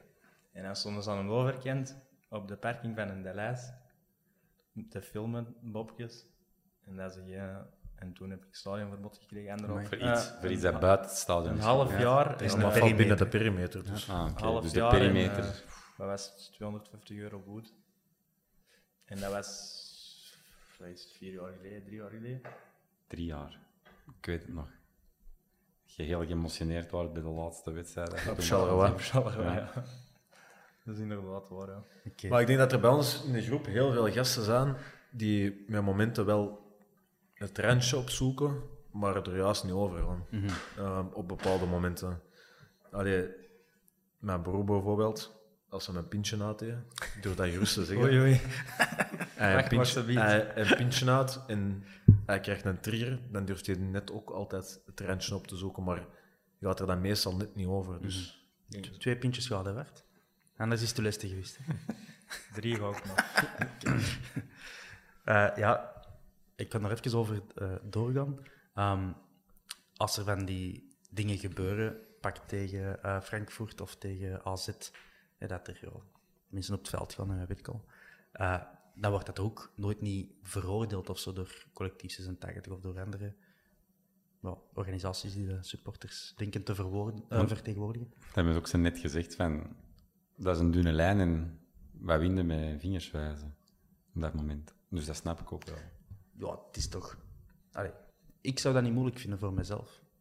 Allee, omdat ik... Als, Maar Ik weet het, ik, ik ben, ik niet één met, met de... een bericht zetten, ja, eh, het spijt ons. Nee, niet, niet per Dit se ons, mogen maar van... Ja, dat, dat inderdaad. Ik Van, werd zelfs wel wij, veroordelen dit, voor ons hoort dit er ook niet bij. Eh, dit is onzin en kinderachtig gedrag van individuen. En hoe rapper dat gedaan is, voor ons ook beter. Zoiets. Ik kan het uitschrijven als je wil. ja, Je mag het opsturen, maar ik denk niet dat ze het gaan niet gebruiken. gepubliceerd Met worden. een gele Nee. briefkaart. Ah, wel, maar dat, ik denk dat daardoor ook mee de verwarring blijft bestaan van in hoeverre zit. Eh, want Robert, jij zei mee ook eh, bestuurder van Collectief 86. Klopt. Ja, in hoeverre zit het allemaal door elkaar en, en hoe braaf zijn de, zijn de braafste en hoe stout zijn de stoutste? Dat is de...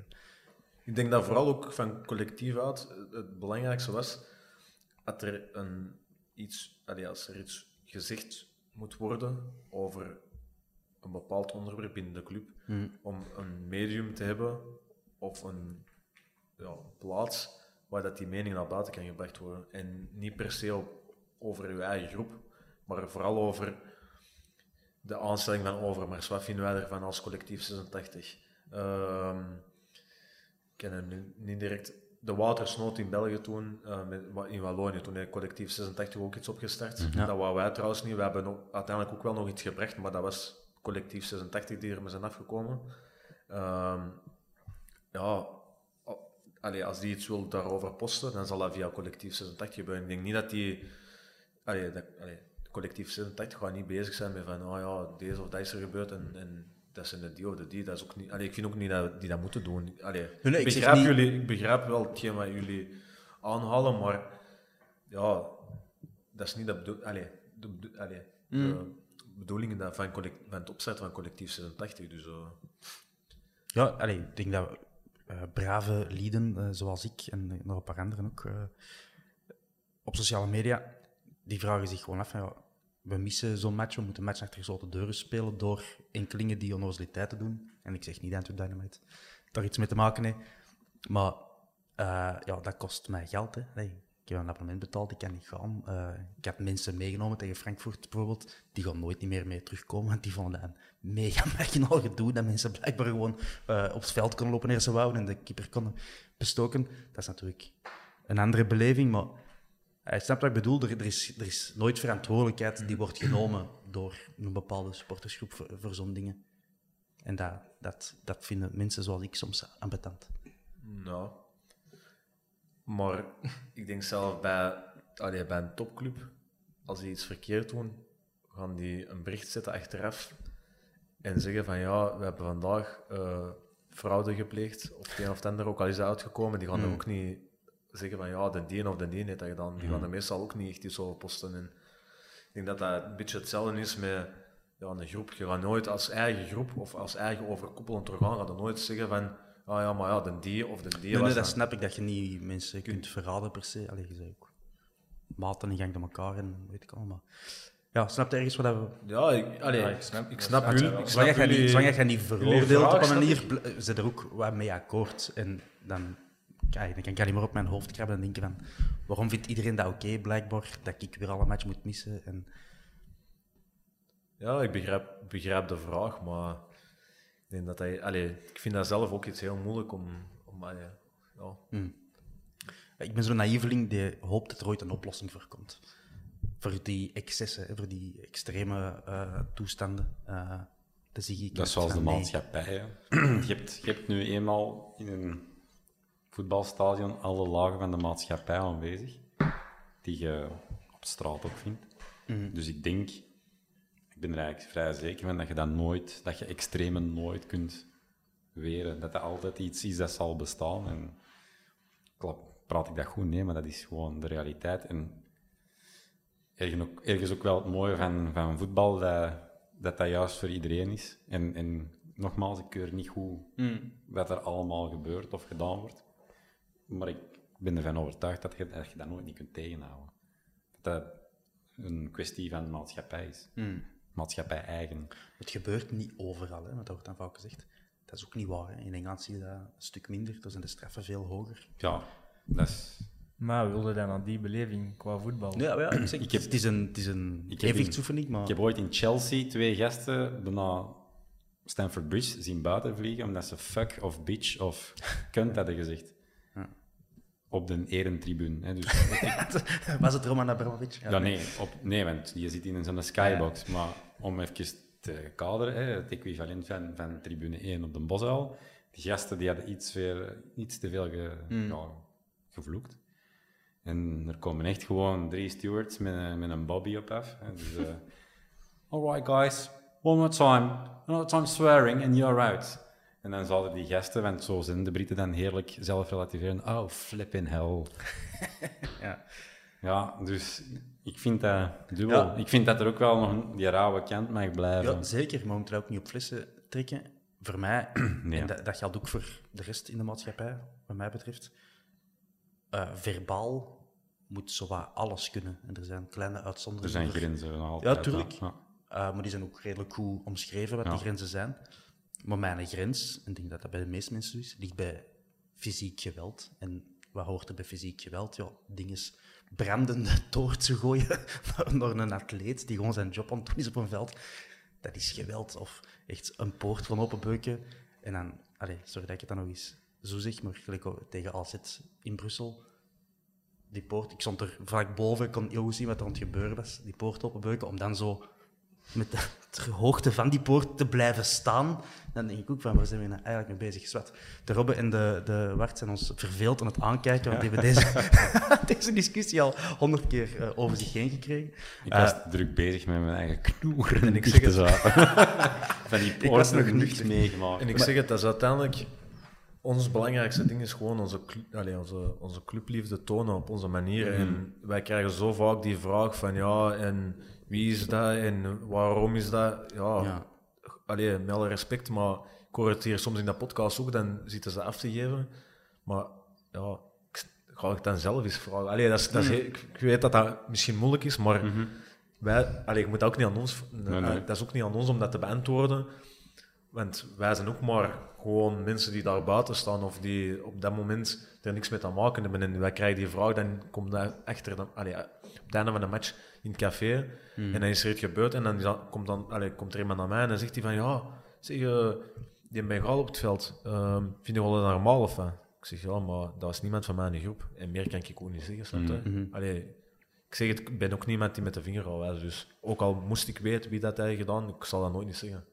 Ik zal gewoon zeggen, dat was niemand van mijn groep. En Ja. ik kan alleen maar spreken over mijn groep en niet over... Ik ga ook niet spreken over een andere groep. Dat is ook niet mijn... Nee, de- dat snap ik wel ergens. Oké, okay, we terug wat plezanter eh, doen. Ja, zeg. Nog één vraag. Gewoon het nieuwsgierigheid. Je moet er niet op antwoorden, maar daar ben ik wel eens benieuwd naar. Zijn het collectief, stel, er wordt gecommuniceerd zoals bij een aanstelling nu met, met Overmars. Wordt daar eh, dan onder de groepen onderling gediscussieerd van, ah, dat, is, dat vind ik juist, van, dat gaat er communiceren of wow, dat niet. En komt er dan tot een consensus of is dat gewoon van, gasten, dat is ons idee, wat denkt u? Ja of nee? En Nee, zo nee. naar buiten? Nee, meestal... ehm, als er zoiets gebeurt, dan wordt er oftewel direct een tekst geschreven door iemand. En dan wordt een tekst in de groep gestuurd. En dan zegt iedereen van... Allee, ze van, vinden dat een goede tekst of Oké. niet?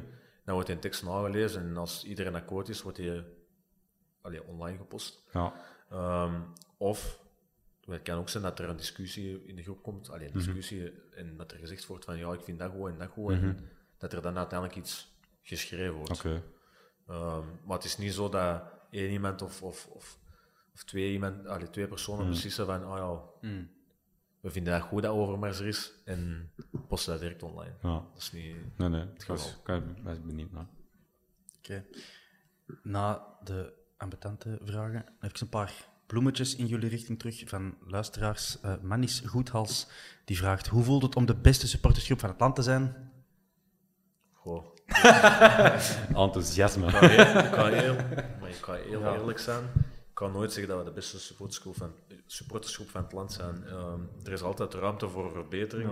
sowieso. En als ik zie dat er eh, bepaalde groepen in België nog net dat tikkeltje verder staan, ook gewoon omdat die grotere aantallen hebben en, Dat die langer bestaan. en langer bestaan. En, Inferno die bestaan van... en 96. misschien meer ervaring hebben, meer manieren hebben, ehm, een betere loods bijvoorbeeld, waar dat je wel gro- dingen kunt laten liggen. Want ja, bij ons, dat is natuurlijk ook het- een beetje een nadeel. Dat een Antwerp in het weekend speelt en we zijn op de een aan het werken, ja, dan moet tijdens het weekend, allee, voor het weekend alles weggehaald worden. En dan moeten wij tijdens, allee, na het weekend terug alles openleggen om terug op, allee, verder te werken. Maar als je bijvoorbeeld een aparte loods zou hebben in de haven die leegstand is, en je kunt daar constant je doek laten liggen, ja, dan kun je wel sneller voortwerken en, en misschien meer tegelijkertijd maken. Ik, ik kan niet vragen waar dat je zo'n grote tyfus bewaart, want dat is wellicht een geheim, denk ik. Eh, maar dat moet er op een manier beveiligd worden of zo, want het is, als ik het goed begrijp, ook een, een beetje een spelletje tussen de harde kernen om mekaars stuff te gaan pikken en in de fik te steken en omgedraaid in de tribune te hangen. En Ja, je dat moet klopt. toch voorzorgsmaatregelen treffen daar rond, of niet? Ja, dat klopt. Maar ik denk dat wij op dat vlak ehm, Ik denk dat dat wel eh, redelijk goede ligt. locaties hebben ehm, die goed beveiligd zijn, waar dat dan niet zo direct gepikt zou kunnen worden. En nog even voor terug te komen op, eh, zijn wij de beste supportersgroep van het land? Ik denk, eh, ja, gezien hem qua grootte, denk ik dat we toch al wel bij allee, het beste van België zitten, denk ik. Qua acties. Qua, ja, qua grootte van de doeken bedoel ik dan. Qua omvang bijvoorbeeld destijds over heel de twee. Ja, wel, eh, wel. Qua, qua grootte van een doek zelf gaat dat sowieso goed zijn. Maar eh, je hebt nu de laatste, van, van de laatste drie acties hebben we de, bijvoorbeeld de Ricci en dan de Miguel van Damme dat we ook hadden gedaan.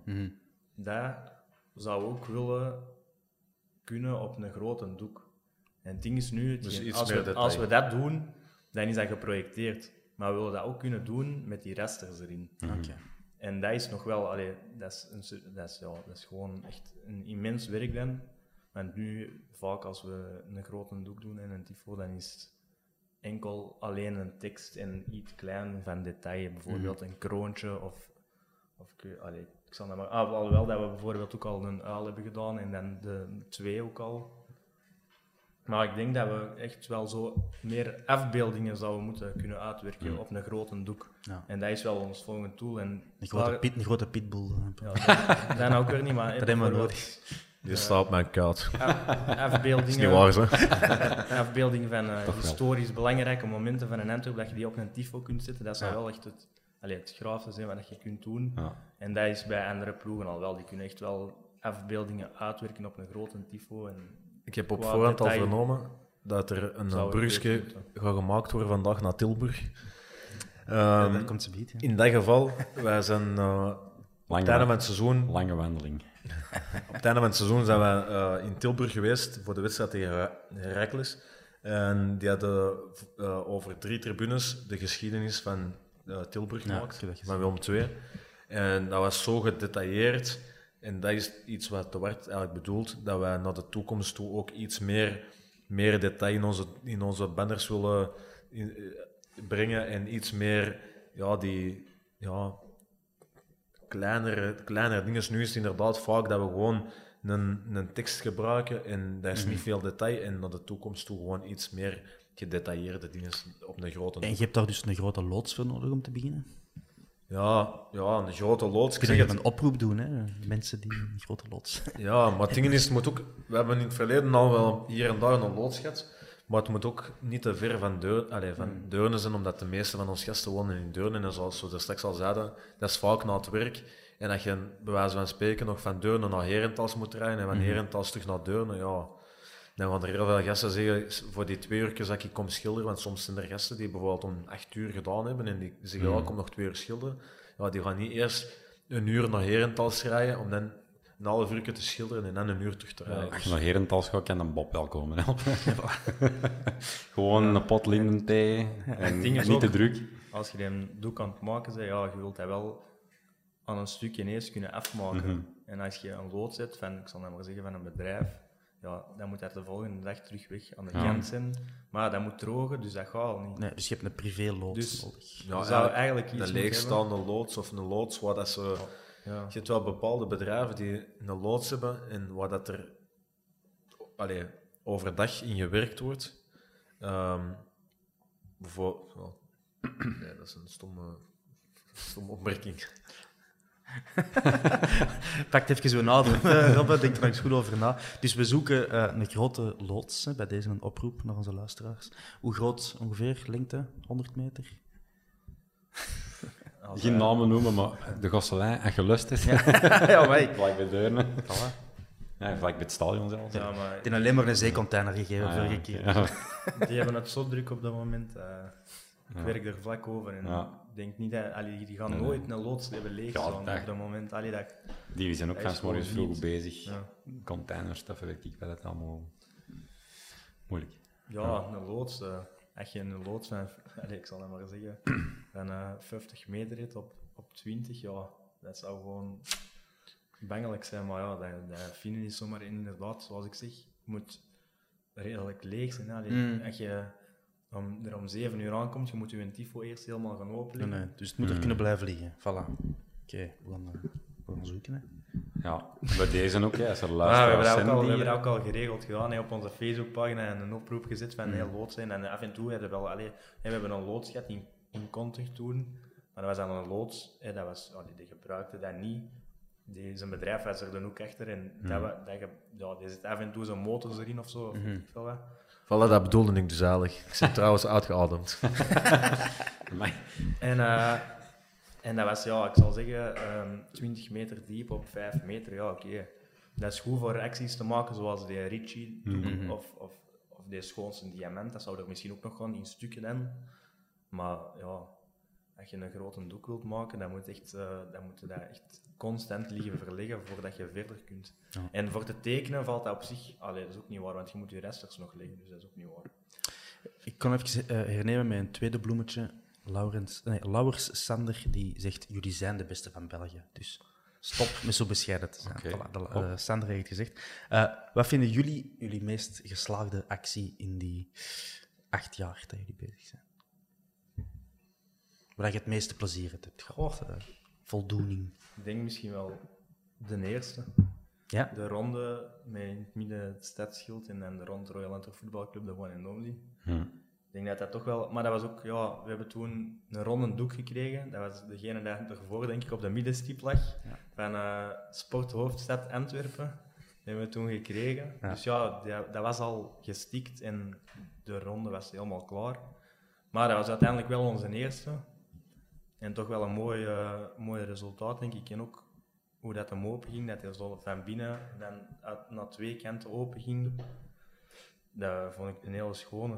Ik zou, allee, ah ja, en dan de, van tegenstandaard over heel de tribune 2, Royal Antwerp voetbalclub. Ja. Met aan de beide kantjes de kroontjes ja. van het logo, ja, dat was ook wel een hele schone. En dat, dat, hij ook, dat was ook echt op een immens korte periode. Echt gewoon, ik zal zeggen, bekend dag en nacht. Ja. Dat we hebben doorgewerkt toen, op, ik denk, allee, zeker op, dat het op twee weken tijd of zo af was. Dat was... Grappig, niet. Eh, voor mij, dan gaan we eigenlijk naar een kleinere actie. Eh, voor mij was misschien wel de, de mooiste actie, de actie op Oostende. Ehm, dat was rood en wit, de liefdevolle kleuren. En we hadden eigenlijk patronen gemaakt, rood, wit, rood, wit. En we hadden in de tribune ook vlaggen gelegd in hetzelfde patroon. En dat was eigenlijk voor de eerste keer op de Antwerp dat ik merkte dat mensen toch wel ergens openstaan voor de manier hoe dat wij onze actie ja, willen zien. En achteraf was het resultaat ook redelijk geslaagd. En ik had zoiets van, deze is iets vernieuwend. Want Ja. die tyfo's over het publiek, ja, uiteindelijk, 9 van de 10, ehm, staan er een deel van ons volk beneden, die houden die vast, en een deel van ons volk boven, en die houden die vast. En zolang dat die die genoeg strak houden, ja, kan die tifo niet naar beneden. En dan denk ik dat vooral van ons af. Maar op Oostende, bij die actie, was het eigenlijk een samenwerking tussen ons en de supporters. En dat was misschien voor mij wel ja, iets nieuw, iets, iets ja, moderniserend op de Antwerp. Mhm. Waardoor dat, dat misschien voor mij wel een van de mooiste was. Terwijl dat eigenlijk iets heel klein was. Dat is trouwens ook met een achtergrond op mijn laptop. Dus ik zie dat nog dagelijks. En ik, ik zeg het, voor mij was dat wel een geslaagde actie. Ik dacht eerst dat je ging zeggen op Oostende, nu deze seizoen, met de corona, dat we daar op dat dak stonden. Ja, dat was gillen, hè. Vond ik heel goed. Vond Ja. heel goed. Ik heb direct mijn vrouw erbij geroepen. Zie, ze zijn er! Ja. Ja, dat was ook wel geslaagd, ja. Overland en Noorden zie je. Ja. Misschien voor de, voor de leek, voor de luisteraar die niet helemaal thuis is in de fancultuur, kunnen jullie het verschil tussen een banner en een tifo uitleggen voor de modale... Ja, een beetje vocabulaire. Ja, Dat is heel gemakkelijk eigenlijk. Ik denk dat dat een vraag van een Hans gaat zijn. nee, dat is een vraag die ik nu... De Hans, die hamert er altijd op als iemand zegt dat was een tifo en dat was gewoon een banner, zegt een Hans, dat was een banner, dat was geen een tifo. Zwat. Ehm, een banner is eigenlijk gewoon als dat een, een kleine actie is die bijvoorbeeld voor de tribune gebruikt wordt. Dus een, een doek die we van, van drie meter hoog of zo, ehm, die vo- voor aan een, aan, aan, aan een tribune gebruikt wordt. En een tifo is eigenlijk vanaf dat dat over het publiek, Publiek gaat. Maar ook niet als dat iets van drie op drie is, dan, dan spreken we niet over een tifo. Maar als dat echt iets wat groter is, dat over het publiek gaat en een heel groot deel van de tribune bedekt, Of aan bij andere clubs, bijvoorbeeld. ja, dan, dan spreken we over een... En een, een actie met vlaggen bijvoorbeeld, dat, dat is geen tifo. Dat wordt meer, allee, dat zouden we meer kunnen benoemen onder, onder eh, een choreo. Oké. Een soort Ja, van, ja, ja. van bewegende, Ja. bewegende Ja, als je zo Actie. die ah, het, A3-velletjes hebt, of, of met vlaggen iets Ja. vormen, dan, is dat, dan wordt er meer gesproken over een choreo, inderdaad. Heb je dat al gedaan? Dus met A3? eh? Nee, nog niet. papier? Dat heeft de club gedaan, tegen Kortrijk ooit, op de 3.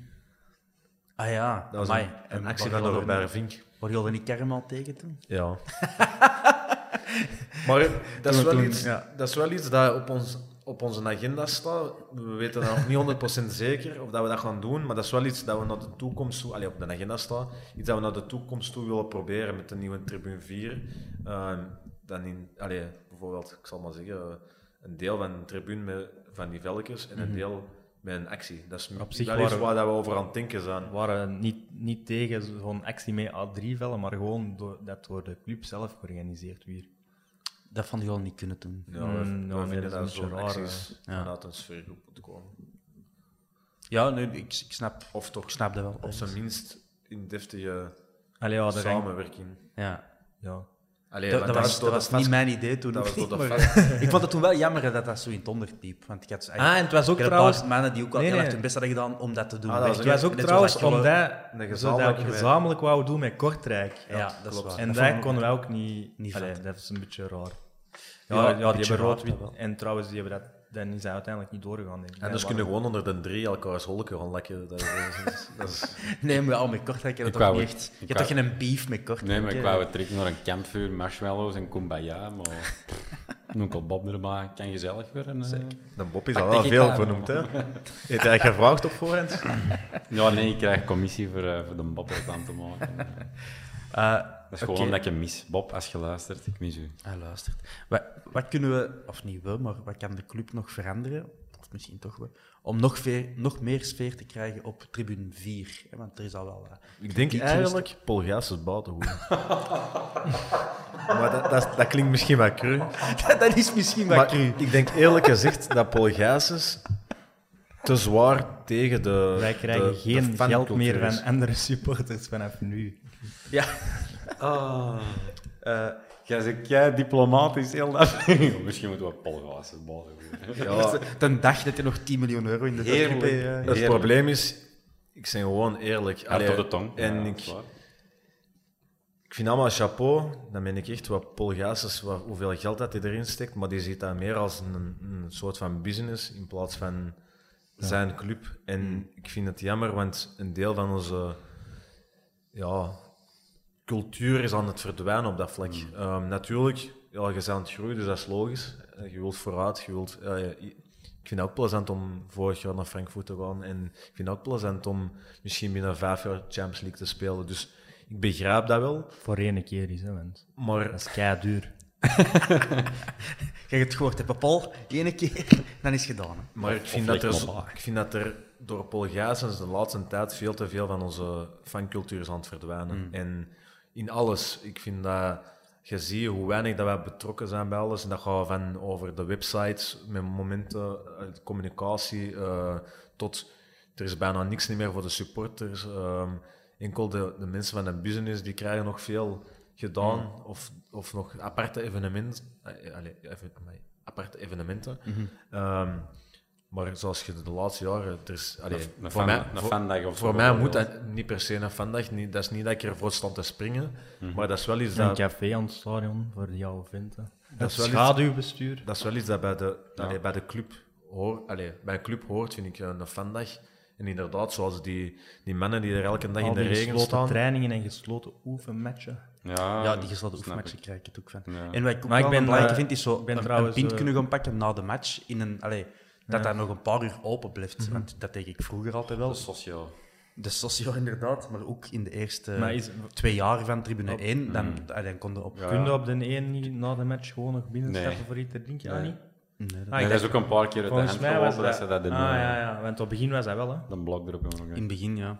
Ja, en ja dan is snap Frank dat dat... Verhulst van een trap gegooid. En dan... Ja, dat is niet om mee te lachen. Dat is Trouwens, over die oefenmatchen, hè, dat komt eigenlijk gewoon puur door de politie, ehm, blijkbaar. Want we hebben in het verleden zo eens bij de club gepolst om te horen voor een oefenwedstrijd tegen Willem II, omdat we zoiets hadden, ja, we hebben een vriendschap mee. Allee, wij als groep en, en een paar andere groepen. Ehm, en we dachten dat dat wel een leuk idee zou zijn. Ehm, en toen is er ons meegedeeld dat er geen oefenwedstrijden mochten gespeeld worden tegen Nederlandse clubs. Ja. En dat geldt voor, niet alleen voor Antwerpen, maar voor heel België. Dus daarmee dat nu ook over laatst Gent tegen Ajax, dat dat niet mocht doorgaan, omdat ze hebben te veel schrik voor ja, rellen en, en dergelijke. Ehm, terwijl dat je dat volgens mij in een oefenmatch wel makkelijker kunt oplossen. Maar Maar ik ben nu, eh wat is vorige week eh, zaterdag, eh, gaan zien naar de match tegen KV. Mechelen in de groene zone. En eh, ja, er hangt een zeil voor de hekje. Maar daar is een poortje en je kunt, dat zeil kun je zo een beetje opzij trekken. Daar dan waren wij naar de match aan het zien. En, eh, volgende week gaat dat niet meer. Merci, Bart. ja. ja, nee, maar dan kwam er een steward. En eh, die zei, ja, hey, laat het niet te, niet te hard opvallen. En dan zei hij ook, ja, dat eh, nu op het moment eigenlijk Van Bommel zelf is, dat is zo gezegd, allee, dat zou zeggen dat hem geen matchen nu, oefenmatchen, wilt met publiek bij. Dat is toch typisch de club? Dat is, En, het is altijd de schuld van een ander Ja, maar op dat vlak. laat me nou nog iets zeggen. De, de vader van Krasniki en een broer, die kwam daar iets later ook aan, want die ging de tweede helft spelen, Krasniki. En eh, die zei ook, ja, Krasniki heeft tegen mij ook gezegd, dus eh, de Laurie tegen zee, dat Van Bommel inderdaad, hij heeft gezegd in de kleedkamer dat hij geen matchen wilt met publiek, nu op het moment. Ik weet ook niet waarom juist en zo, maar... Ja, oké, maar dat is nu over dit seizoen. Maar tot vijf Ja, jaar ja, geleden sowieso. speelden we altijd de eerste match op Breschout. Dus dat was, allee, ik vond dat het plezantste wat er was. Breschout, Schoten. Ja, ik zei dat in de vorige podcast ook. Eh, ik heb me nog herinnerd aan een match tegen Schoten. In de zomer gewoon, dat dat mijn, Ja, mijn eerste, ja, voilà, in mijn eerste match was tegen Schoten. En ik heb misschien waarschijnlijk maar een helft gezien, want ik was nog klein, maar ik, ik vergeet dat nooit meer. Omdat je, ook zo, je kunt dan zo dicht tegen die spelers komen als klein mannetje. Ja. Is dat zo... En dat is ook gewoon een leuk weerzien met, met, met, de, met de vrienden. Allee, Dat is niet dat ik echt stond te springen om die shotters op het veld te zien shotten, maar dat is gewoon... Je hebt, je hebt beleving vijf, rond, zes weken thuis gezeten, geen voetbal. En dan kun je eindelijk nog eens een matchje gaan zien en zie je die maten terug. Want ja, in het weekend eten die dat te doen en die eten die dat te doen. En op dat moment kun je dat allemaal... Ja. Maar jij was ook wel blij zo, toen dat jij als klein mannetje ging naar Antonia en dan bij de spelers gaan staan en dan kregen we een rolletje tape en dan waren wij zo blij als iets. Ja, dat klopt. Dat zijn, maar dat zijn wel van die dingen... je, Maar dat dat, blijft bij. Dat zijn wedstrijden, daar kun De je, tijd dat je nog een boot kreeg van Eddie Wouters, dat je een sok weg daar kunnen we kleine mee naartoe pakken. En ja, dat, is, Ja, dat voilà, zijn de zeker nu. Het is allemaal uitverkocht, het is allemaal uitverkocht in abonnementen. Dus als Mm. nieuwe fan, als, als hè. Ja, wel, ja. eh, fan met kinderen, je kunt de kinderen eigenlijk niet meepakken naar een gewone Nee, en competitiematch. ik denk ook gewoon... Ja, wel, die hoefmatches zouden perfect zijn om dat te doen, om je fanbasis te vergroten nog. En, Ja, en ik denk ook gewoon, stel nu dat je je kleine moet meepakken thuis tegen Brugge, of je kunt je kleine meepakken in een oefenmatchje tegen Baschout, en dan krijgt daar, je kan daar de microben te krijgen pakken. Dat is veel plezanter dan ja, ineens tegen Brugge, want dan is dat misschien van, ja, er moest maar eens iets gebeuren, of, ah, allee, en voor je kleine mee te pakken. Ja. Allee, zo, denken, zo denken de mensen er toch over, Gelijk, denk ik. gelijk een paar jaar geleden, thuis tegen Panathinaikos. Ik heb familie uit de USA. Dus mijn neef was hier nog eens na acht jaar. ja. Nee. Nee, niet het land. ik heb altijd zo'n zoon op school gezeten. Maar. Nee, mijn neef die was eh, in het land. Ik had die in acht jaar niet meer gezien. Hij was ineens een flinke jongen van 21 jaar. Eh, nee, nog niet. 19 zelfs. Dus hij mocht nog niet legaal drinken. Dus ik zeg, kom mee naar de Antwerp. Maar als je, dat tijdens, een- als je dat tijdens een competitiewedstrijd wilt arrangeren, ja, vergeet het. Hè. Dat, dat is rondbellen, die geschrapen voor ticketten. Dus op, op dat gebied vind ik dat ook een ideale gelegenheid om zo eens iemand mee te nodigen naar de Antwerp. Van kom eens mee zien, kom eens mee proeven van die sfeer, van die beleving. En dat ja, vind ik ook wel jammer. Maar dus op tribune 4, wat moet er verbeteren? Infrastructureel misschien? Of eh, ligt, het, eh, ligt het aan de fans zelf? Zijn wij veranderd sinds dat we verhuisd zijn? Geen tribune? boksen om te Nee, beginnen. ik denk dat gewoon tribune 4 anders gebouwd had moeten worden. Eh, nu heb je te veel spatie tussen de staanplaatsen en de zitplaatsen. Langs de andere kant, als die spatie er niet was, kon dat waarschijnlijk makkelijk van de ene kant naar de andere kant. Daarvoor is dat waarschijnlijk zo gemaakt. Ehm, maar ik denk dat je dat in één trek had doorgetrokken en bijvoorbeeld iets anders van balustrade ertussen, dat je wel makkelijker de sfeer van de staanplaatsen naar de zitplaatsen en andersom kunt brengen. En dat is nu niet. Ehm, ik hoor van heel veel mensen dat die niet horen wat er beneden gezongen wordt. En ja, ik zeg niet dat er altijd goede sfeer is, maar als ik eerlijk moet zijn, er zijn weinig wedstrijden dat wij als groep niet bekend 90 minuten zingen. En wij krijgen wel wat mensen naast ons, links en rechts mee, en soms voor ons, maar mensen zeggen ook van boven, wij zien Olle wel bezig soms, maar je hoort Olle niet. Ja, maar dat is, dat is geen verwijt. Hè. Dat is gewoon... Ja, geluid beweegt zijn eigen rechtlijnig voort. En vroeger zaten we met een twee allemaal op één niveau. Gewoon qua En ook een beetje in een boog, hè. En in een boog. Dus je hebt een beetje dat amphi-theater-effect. En nu heb je een rechte tribune. Staat beneden. En na de laatste wedstrijden toe is er echt een effort gedaan dat er ook echt een stuk mee naar boven werd gezongen. Doordat je daar een beetje meekrijgt van oké, we zijn die kant aan het opgaan. Ik moet zal sterker zeggen, hè, als wij naast een drie zouden zitten, waar dat eigenlijk nog wel sfeer was, waar op Nico, eh, tegen Nicosia dat eh, ontdekt, dan zou dat al een heel ander verhaal zijn, want je hebt die eh, zijkant, die alle wel hoort, je hebt die mannen Ja, mee. het is ook dat je... je En op de één, je zit met een één en... Sorry, aan die kant van de één is maar een droge boel. Ja, je zit inderdaad ook gewoon met je stadion dat niet is rondgebouwd. Dus, N- Niemand op de twee zit. dus ik dat denk, niet dat is, overnemen. dat is een, een, een pijnlijke vaststelling van ja, we zitten nog een stukje met die groeipijn, dat de infrastructuur nog niet helemaal gevolgd is. Ja, ja. Ik moet nou wel zeggen, de laatste twee wedstrijden in de playoffs vond ik dat de sfeer wel redelijk oké maar dat was. zeg ik. Dan, En als we dat kunnen voortzetten naar volgend seizoen toe, en misschien er nog wat in groeien zelf, Mhm. dan zie ik het wel nog goed komen. Maar het moet wel blijven groeien, want ja, ja. voor hetzelfde geld, als de eerste wedstrijd terug een droge boel is, ja, dan, zit de, dan zegt de helft weer van, oh, het, is hier, het is hier weer... Maar het is inderdaad wel zoals jij zegt, Psyche. Eh, we zijn ook gewoon aan het proberen, en de, allee, ook met thuismatchen, maar ook met uitmatchen bij ons, dat wij, hè, wij staan redelijk van voor meestal, en dat wij ook echt proberen om naar iedereen te zien van, hè, zing eens mee. En, Maar ik moet eerlijk zijn, beetje- op, op, op uitmatchen heb ik dan nooit gemerkt dat er een probleem was qua sfeer, zelfs deze seizoen niet. Maar op uitwedstrijden zijn er altijd maar 600, 700 mensen en, en die staan allemaal kort op één in één uitvak. Ja. En dat maakt het veel makkelijker. Als je in een klein vak staat, ja, dan gaat je veel makkelijker die mensen meekrijgen dan dat je de grote mensenmassa moet meekrijgen. Maar nu kun je misschien met 500 mensen wel zingen, maar als die mensen er rond zo, allee, niet echt de moeite doen om mee te zingen, ja, dan ja, ga je niet, niet heel het stadion meekrijgen. Ja, ik, ik heb nooit niet onder stoelen of bankjes gestoken dat ik ja, uitwedstrijden de top vind. Want dat begint al met die eerste stop op het tankstation, dat samenhorigheidsgevoel. Je stapt uit, je ziet elkaar, je valt in elkaar samen. je Ja, en dat ik dan dat moustache van aanzien.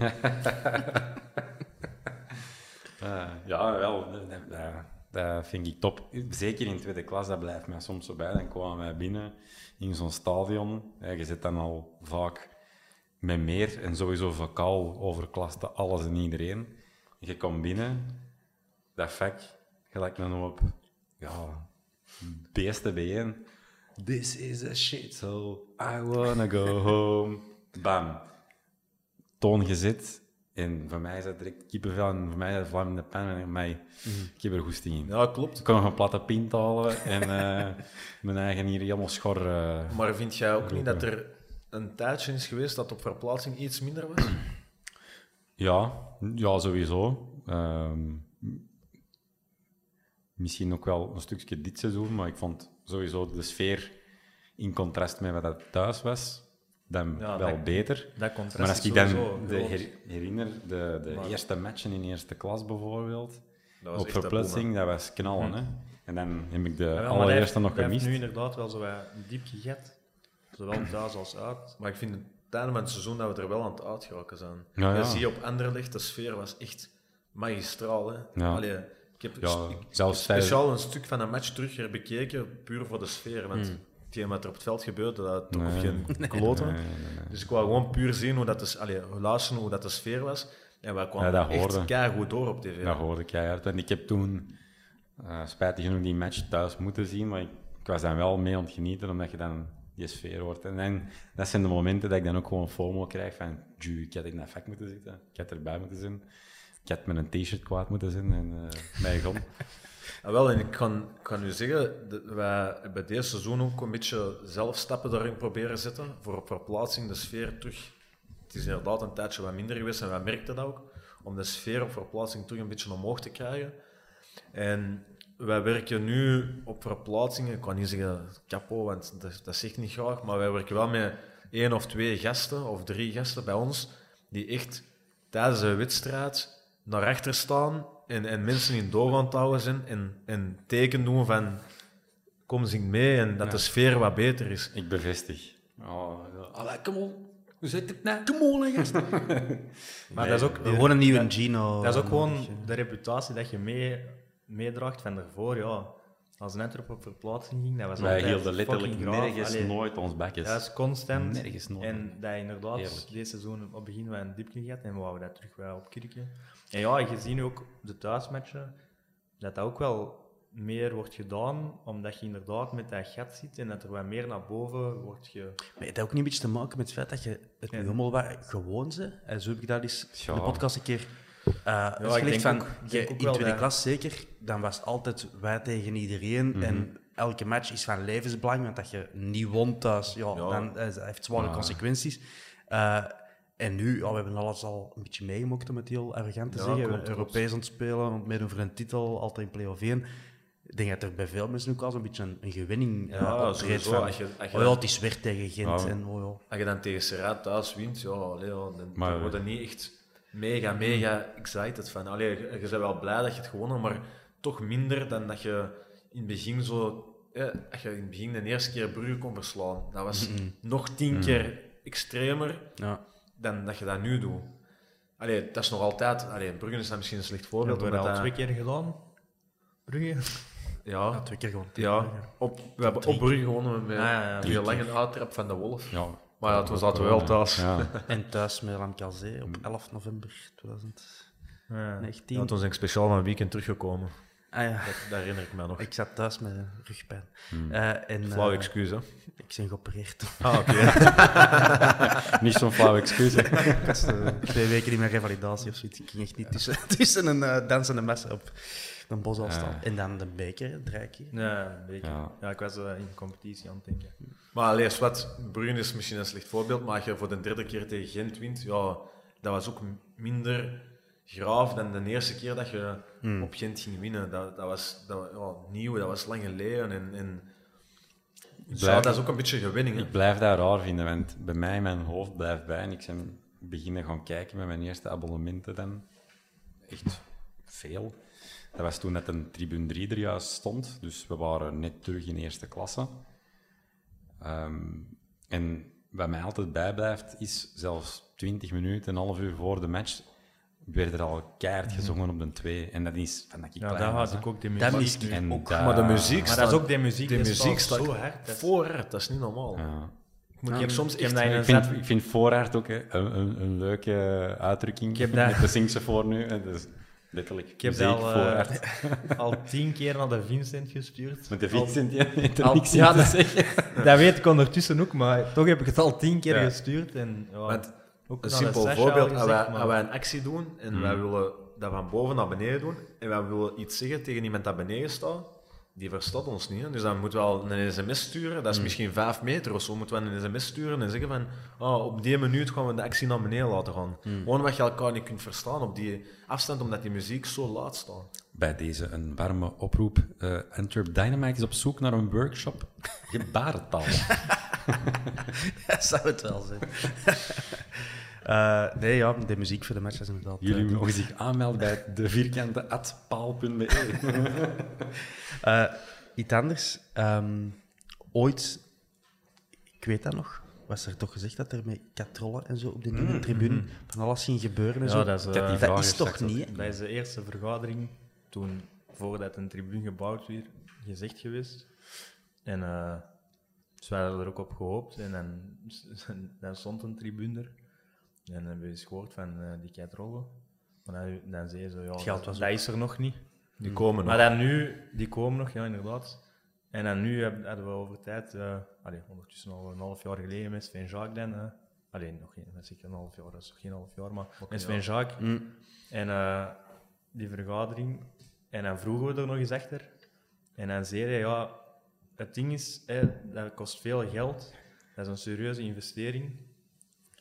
Dat vraag ik mij dan ook af, hoezo, dat, dat een serieuze investering is. Maar uh, Ik pomp 10 miljoen in de club, maar Hier, Vincent die Janssens, katrollen? 10 miljoen. Toby Alderweireld komt nog. en dat kost 6 te veel miljoen voor Alderwereld, 10.000 euro voor katrollen, no way. Birds on the Street, de dakconstructie kan het niet aan.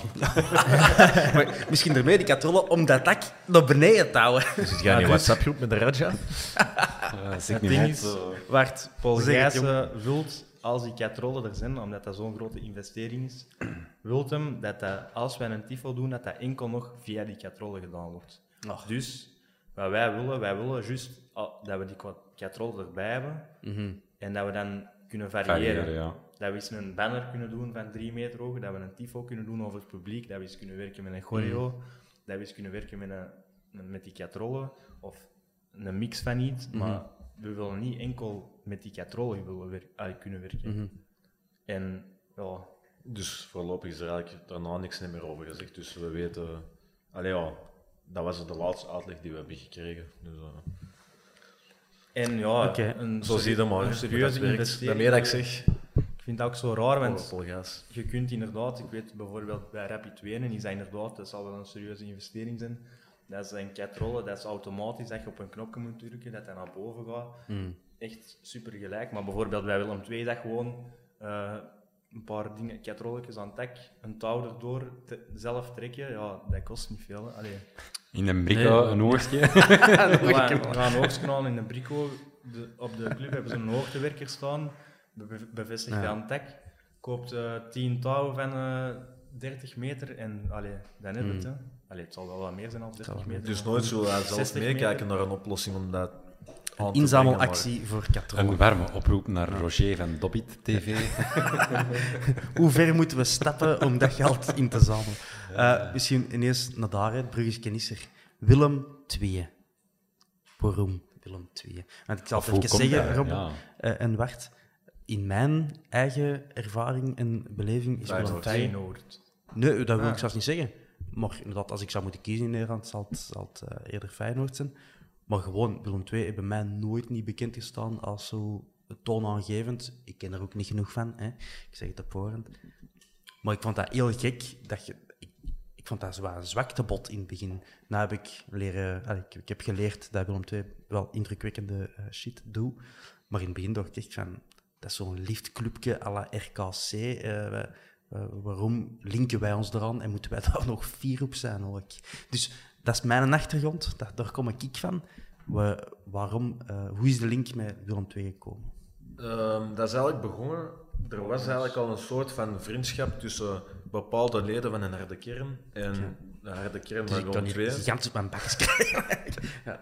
Ehm, en op een bepaald moment, na die ronde Tifo, denk ik dat dat was, ehm, hebben een paar gasten van Willem II gereageerd op een of andere post op die Tifo van Giraaf, Antwerp of zo, iets in die trend.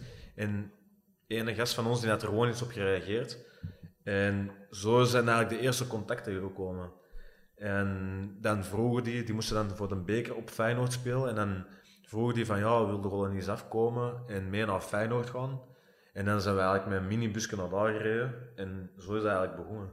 En in het begin was dat heel klein, maar ondertussen is dat al wel redelijk groot. Ik zal, allee, als ik zeg dat zo goed als alle groepen van, uit collectief, allee, alle groepen uit collectief 86, ja, af en toe over en weer gaan naar, naar Tilburg, ja, dan, dan overdrijf ik niet. Dus ehm, En ik dacht in het begin gewoon van, dat is, is dat niet onder ons niveau, om het zo te zeggen. Want ik had dan nooit gehoord dat Willem II een indrukwekkende... Ja, ik moet wel, ik moet wel zeggen, op het begin, het begin zal dat ook zo, wel zo zijn geweest, zeker qua sfeer. Maar uh, waarmee het dan is begonnen uiteindelijk, eh, enkele gasten van een harde kern, Hmm. ja, op dat vlak gaat Willem II al wel serieus iets staan op, allee, hè, hooligans dan, Mm. hadden die al wel iets. Maar toen wij er inderdaad mee zijn begonnen, ja, qua sfeergehalte was dat minder als Antwerp. En ik durf nu zeker zeggen dat die qua sfeer thuis, zeker thuis, boven ons staan. Uit zal het hetzelfde niveau zo zijn, denk ik. Maar thuis staan die ondertussen veel meer Hmm. boven ons. In, want in het begin, toen dat we die, eigenlijk de eerste keer naar Tilburg gingen, dan werd er zo door vele clubs in Nederland gezegd Stilburg. Mhm. Omdat er altijd de sfeer redelijk slecht was. Ehm, maar als je nu de laatste tijd op van die ja, ultras-forums of ultras-pagina's leest, wordt er eigenlijk alleen maar veel bloemetjes gegooid naar Tilburg. ehm, dat de sfeer omhoog is gegaan. Hm. En dat ze bij de top van Nederland horen. En ook de tyfo's, dat heb ik er straks al aangehaald, Ja, die dat zijn van heel hoge kwaliteit. Dus, Ja, dat, eh, was, dat was ervoor ook al wel, hè, want Tilburg Tifosi die bestaan van 2003, denk ik. Oké. Dus die zijn al redelijk vroeg begonnen en op het begin zullen die zo op hetzelfde niveau hebben gezeten als wij op het begin. En dan is dat, allee, ja, die hebben nu die we, eh, tegenover ons 10 jaar voorsprong, eh, 11 jaar voorsprong. Ja. Ja. Dus ik denk op zich dat we ook wel rap aan dat niveau gaan zitten tegenover hun evolutie misschien, maar... Mhm. Maar inderdaad, ja, op het begin was Willem 2 qua sfeer echt zo goed als niks. Maar... En toen, ja, ik snap dat op het begin, hè, maar als je nu inderdaad, zoals de Robbe zegt, als je nu naar Willem 2 ziet, ja, dan is het wel. eh, Plus, het is, ook, het is ook niet langer rijden. Dus eh, allee, Mm. 45 minuutjes en je zit in Tilburg. Ah, Mhm. Ik moet zeggen, ik dacht eerst ook zo, Tilburg is een klein stadje. En dat is op zich geen supergrote stad, maar dat is wel allee, een redelijk gezellig stadje. Ik ken heel veel mensen die niet niks te maken hebben met Antwerpen en die af en toe naar Tilburg gaan en die zeggen dat is, dat is wel echt leuk om als je over die Mhm. grens gaat. Want iedereen spreekt wel snel over Breda, maar Tilburg heeft ook wel zijn, zijn, zijn charmes. Brabants karakter. eh, ze ontvangen de Belgen er ook meestal met open armen. Mhm. Dat heeft ja, zo'n typische Nederlandse kernstadje vibe. Dat is eh, Ja. ooit een vrijgezel gedaan, Oké. een paar jaar geleden. Was, eh, Zo leert je een stad echt kennen, natuurlijk. Om dan te zwijgen dat ik al om tien uur in een taxi zat. Oké. Eh, Ik vind Willem II nog altijd een kutnaam voor een voetbalclub, maar dat is al... Ah, nee, ik vind dat wel. Ik vind die een logo en een shirt ook wel Ja, ja. altijd heel strak. Dat logo- netjes. logo, dat is- Ja. dat is- Het logo is nu aangepast. Nu, ja, nu is het terug het naar het oude. Ah, oké. Het is nog graver. Oké, dus voor alle Willem II-fans die aan het luisteren zijn... eh, ja, je weet me te vinden. Ehm, hoe was eh, de wandeling van Tilburg naar Antwerpen en wie zijn idee was dat? Hoeveel blijnen. Hoeveel blijnen. Hoe dat de wandeling was, dat moet aan de Wart vragen. Ik kan, ik kan ze nog laten zien, denk ik, mijn blijnen. Ik denk dat ze er nog altijd zijn. Een warme Maar, eh, oproep eh, voor Compete. een eh, grote loods in compete. Ik heb de wandeling niet uitgewandeld, dus Echt? Oeh. dan weet je het al Ja. hoe zwaar dat was. Ik heb eh 55,6 of zo gedaan uiteindelijk. Van de Dus 66 of zoiets? van de 66. Ja. Het was uiteindelijk 68, want we waren op een bepaald moment hadden we een stop onderweg. En moesten eigenlijk, ik zal zeggen rechtdoor, maar links in de straat was een zaak waar dat wij iets konden gaan eten. En eh, iemand van ons die had een GPS op staan en die GPS stuurde ons elke keer maar een straatje verder. Ah, ja. Waardoor dat uiteindelijk de volgende stop op een bepaald moment drie kilometer verder lag. Maar ja, dat was altijd al op bekend 40 kilometer. En als je dan denkt van ja, je bent bijna aan de stop en je krijgt dan nog eens drie kilometer extra voor de boeg, dat is wel, eh, dat is wel zwaar en zeker mentaal. Ehm, nu, hoe is de, het idee gekomen? Ehm, dat heeft ook te maken met het feit dat wij geen collectes niet meer kunnen, mogen, doen van de, allez, mogen doen op de Oké. club. Al even, hè. Ja, klopt. Ehm, dat is begonnen, ik denk drie, vier jaar geleden. Ehm, Dat zou drie jaar geleden zijn. dan waren we aan het collecteren, zoals altijd, gewoon voor de poorten van het stadion. En op een bepaald moment eh, stapten er bobjes op bepaalde gasten van ons af. En die vroegen onze identiteitskaart. En achteraf hebben we een boete gekregen van 75 euro, een Mm. gasboete. Ehm, omdat wij op openbaar terrein aan het bedelen waren. Dat was hun eerste excuus dat op openbaar terrein aan het bedelen was. Mhm. Dan dachten we van ja, oké, we kunnen vragen aan de club of dat we achter de ingang mogen collecteren. Maar dan zei de club, ja, eigenlijk wil de politie niet dat jullie collecteren, want we denken dat jullie geld van jullie ingezamelde, eh, Mm. jullie ingezameld geld allemaal wordt gebruikt voor pyrotechnisch materiaal en voor het betalen van stadionverboden, de boetes ervan. Mm. Wat, wat compleet onzin is. Ik zou de rekeningen kunnen voor, willen Mhm. voorleggen, maar dat wouden ze niet. En op den duur, ja, dan kwam het één excuus na het ander. Dan was het weer, ja, maar ja, aan de ingang is iets gebeurd, dus de ingang is niet veilig om te collecteren. Mm. Ehm, dus ja, elke keer als wij aan de club vroegen voor te collecteren, dan was het nee, mag niet, want... Ja. En de, de, de club stak het op de politie en de politie stak het op de, op de club. Dus op een bepaald moment, nog niet zo heel lang geleden, heb ik gevraagd voor een gesprek met beide instanties en gewoon aan, aan tafel gaan zitten. Want ja, de ene stikt het op de ander en de Mhm. ander stikt Nee. het op de ander. Dus ja, wie, wie is nou eigenlijk de schuldige?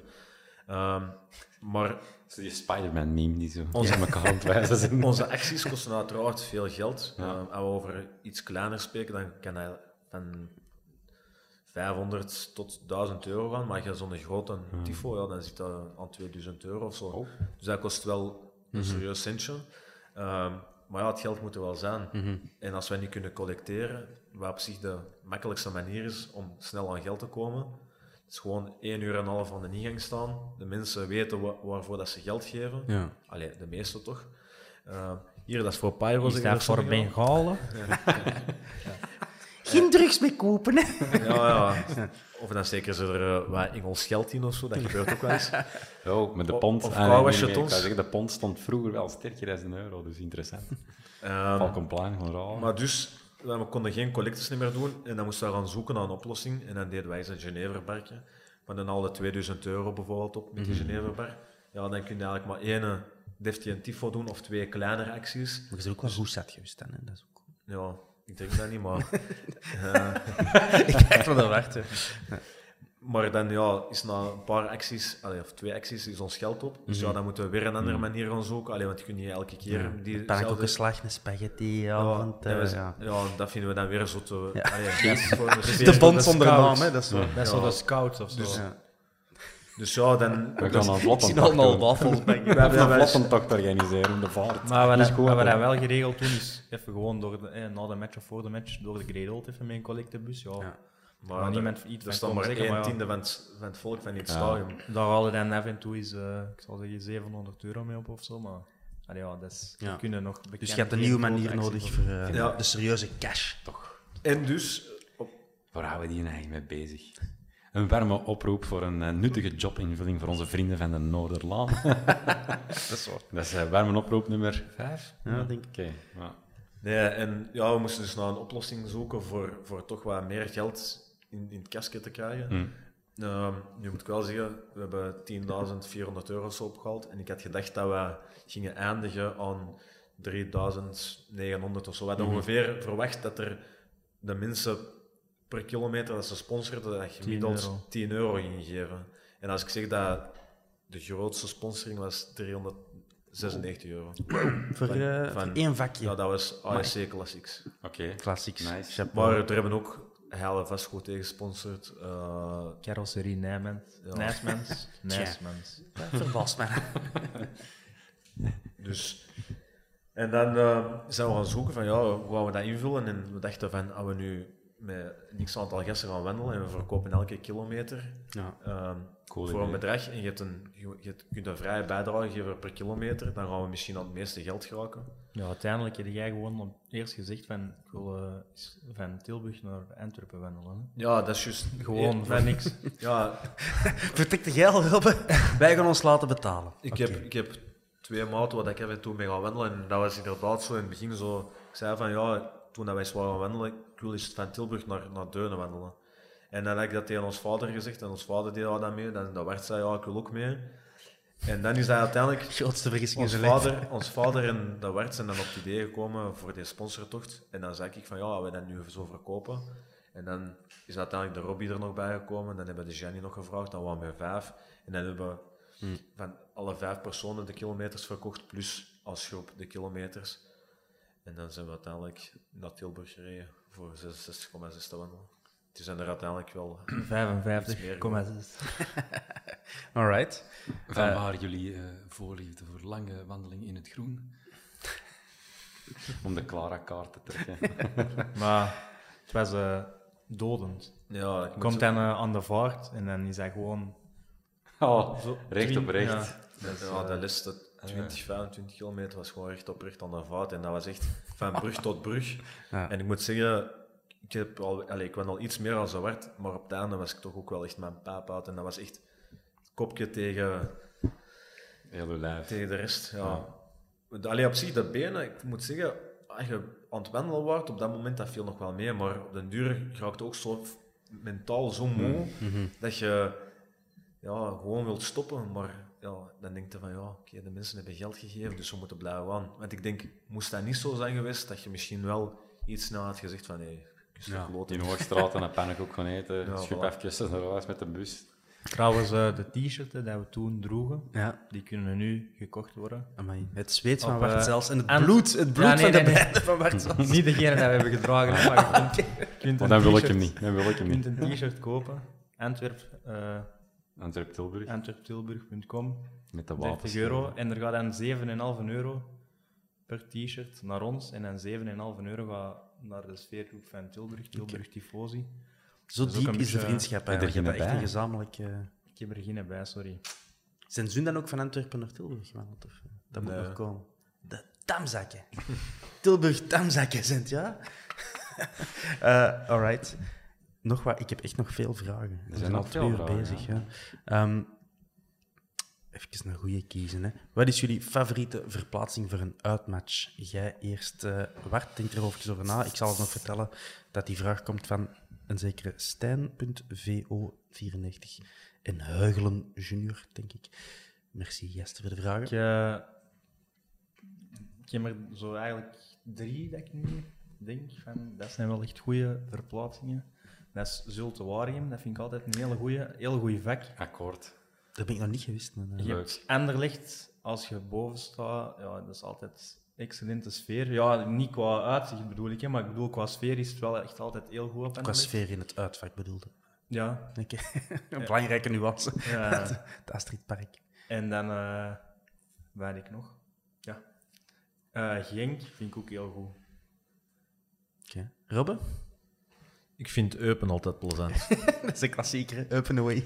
Ja, dat is ook dat is een. Hans, dat is een Hans en ook gewoon omdat Eupen heel vaak op zaterdagavond is. Dat is een van Dat de is enige ik- verplaatsingen in een seizoen dat ze meestal op Het zaterdagavond is eh, zitten. zondag nu, hè. Ah, ja. Ik heb eh, het in de agenda Maar staan. ik die, als ik die vraag krijg, dan denk ik altijd direct van welk is een goede vak voor sfeer te maken. Maar Ja, Eupen is dus daarom toch dat- redelijk goed. Ja, Eupen is ook inderdaad redelijk goed, maar Ik ben Daarom- deze jaar al gecharreld. Ik heb de, daarmee mijn antwoorden op uw vraag waren die drie. De, de verjaardag van, van mijn vriendin, haar oma, al kunnen ont, ontlopen. Die een dans van, ah, het is open away. We gaan een dag ervoor al even een cadeau brengen. Nu komt een van mijn beste maten af. Ik werd 30 die een dag. ik doe niets, ik weet nog niet wat. Dan een Antwerpen. Ja, mij naar Eupen gaat. Nee, Je moet je niet vergeten. Geloof aan op mijn kosten. Eh, wat is jullie ideale away day, eh Robbe? En dat is een vraag van Dries Noé of Dries Noet, ik weet het niet. Een ideale away day. Ehm, als de sfeer op de bus al goed zit, want soms is dat zo wat... ja, ik weet niet hoe dat, dat komt. Ik denk dat dat ook soms met een dag te maken heeft. Maar dat op een zaterdagavond is bijvoorbeeld, zijn de mensen altijd iets meer in vorm. Dus mijn ideale away day is op een zaterdagavond in Eupen. en de wedstrijd die moet tot een 89e minuut 0-0 blijven. En in de 90e minuut maken we 0-1. Onverdiend. Ja, onverdiend. Kei slecht gespeeld. Het is een man op een hart. De sfeer was goed.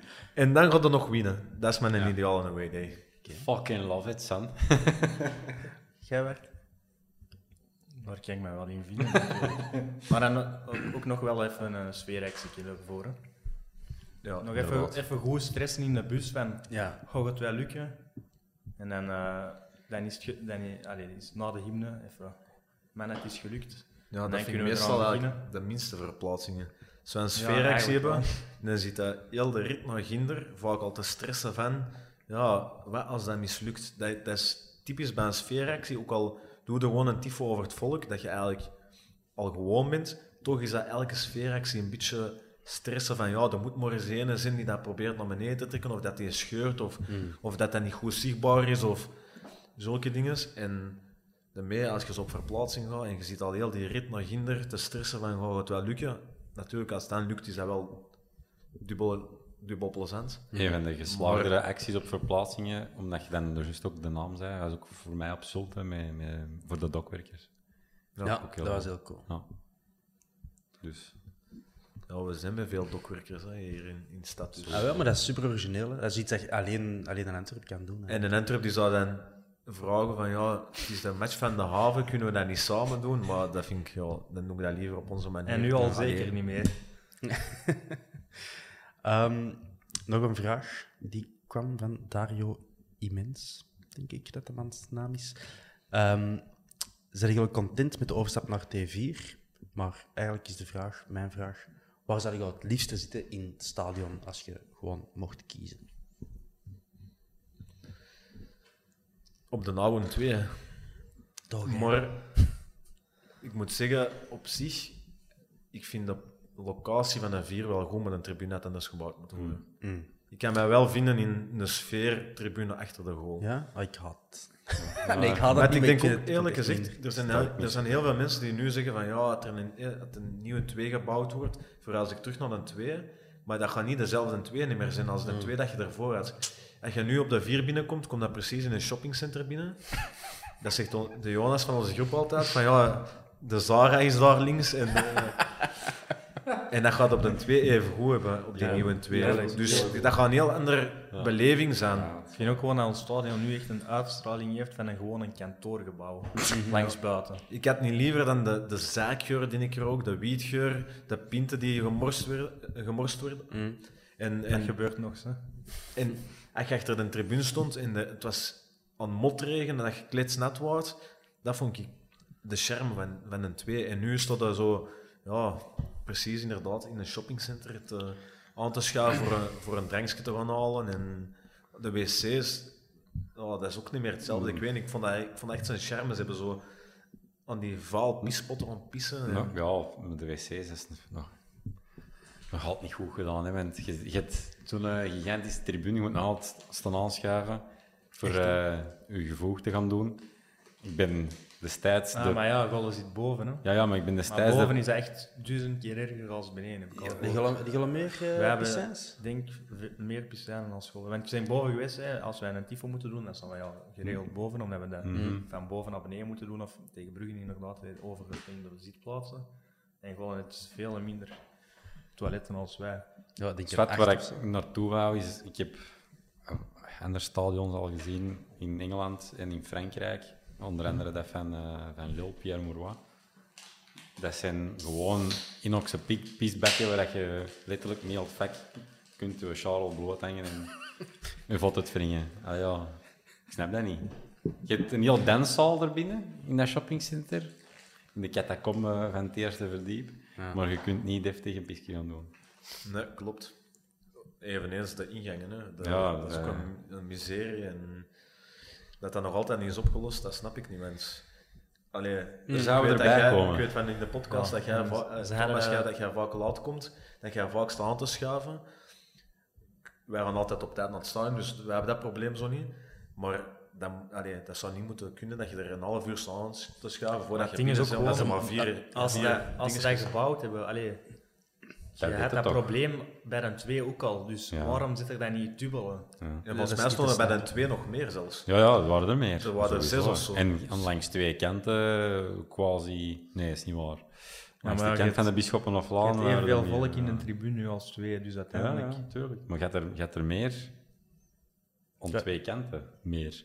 Het is, Ja. echt, het is echt belachelijk Ja, geregeld. snap ik niet. Dat, dat weet dat toch. Allee.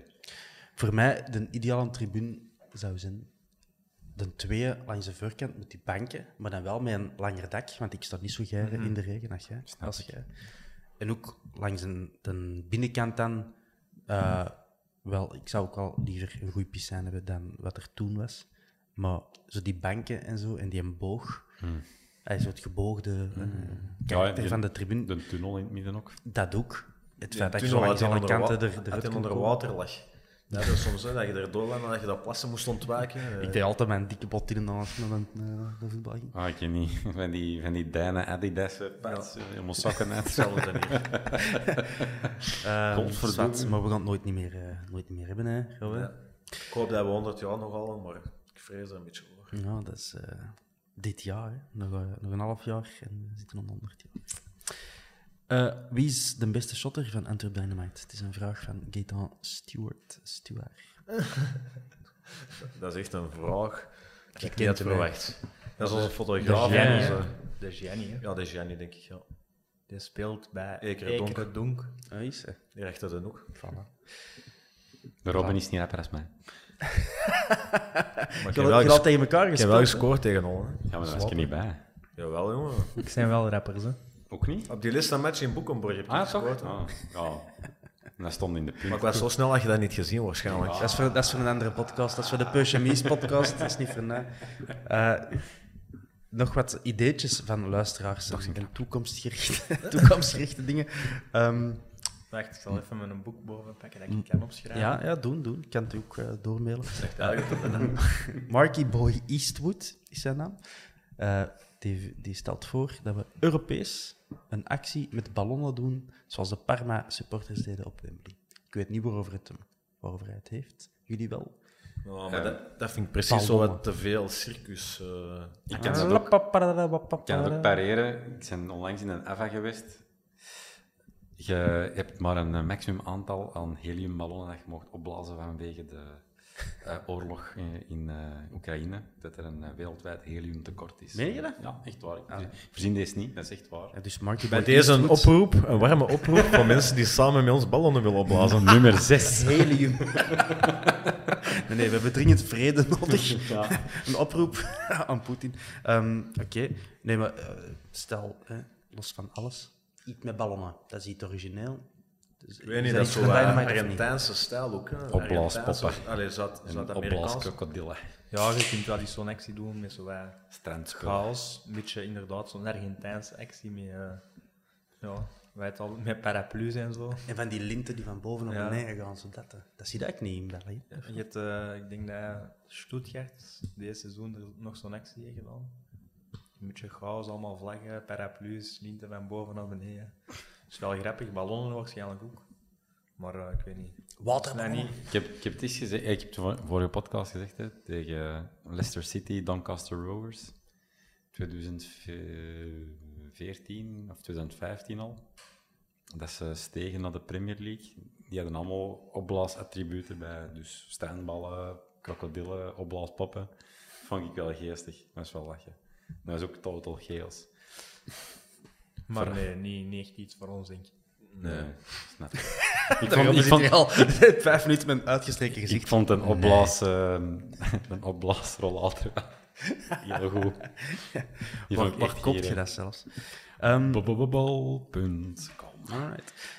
Nog een vraag. Zorgen jullie tegen Dynamo Kiev? Eh, Sinds vandaag weten we dat we tegen Dynamo Kiev een eh, oefenmatch spelen. Match voor de vrede.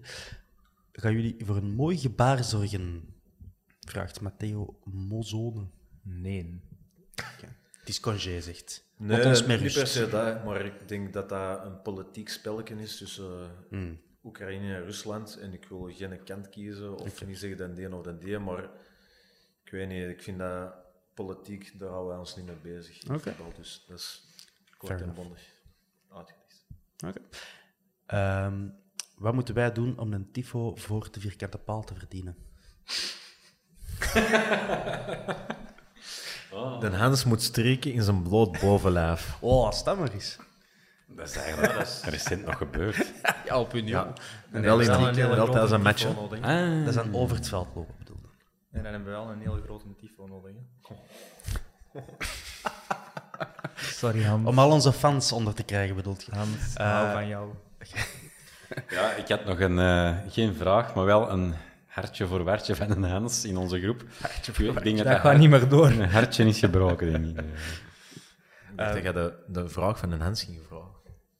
Eh, Ten Hans heeft meerdere vragen. eh. Ja, maar op Twitter maar één. denk ik. ja, maar heeft in, de, in onze groep heeft hij meerdere vragen gelanceerd. Ah, die heb ik zelfs nog niet kunnen capteren, dus jij hopelijk wel, Ziggy. Ik zal, Ja, doe maar, doe maar voort. ik zal nog even Ja, voortgaan, dan kun je het spit overpakken. Eh, wat kunnen we komend seizoen verwachten? Vraagt Wessel de Roy. En wellicht gaan jullie niet in detail. Hè? Want, maar er zijn er al zo'n paar ideetjes, iets dat je kunt lossen misschien.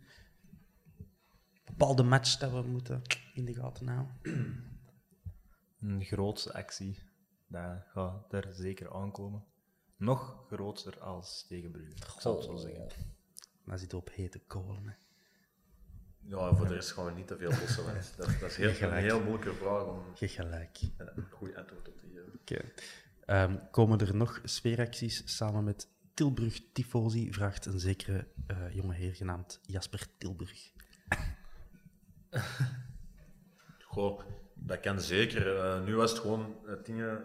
Tilburg gaat eigenlijk- heel blij zijn met het vorige half uur dat ik in aan het afbreken ben geweest. Ja, sorry. Tilburg had eigenlijk gewoon volk nodig op de wedstrijddag om de tifo te hazen.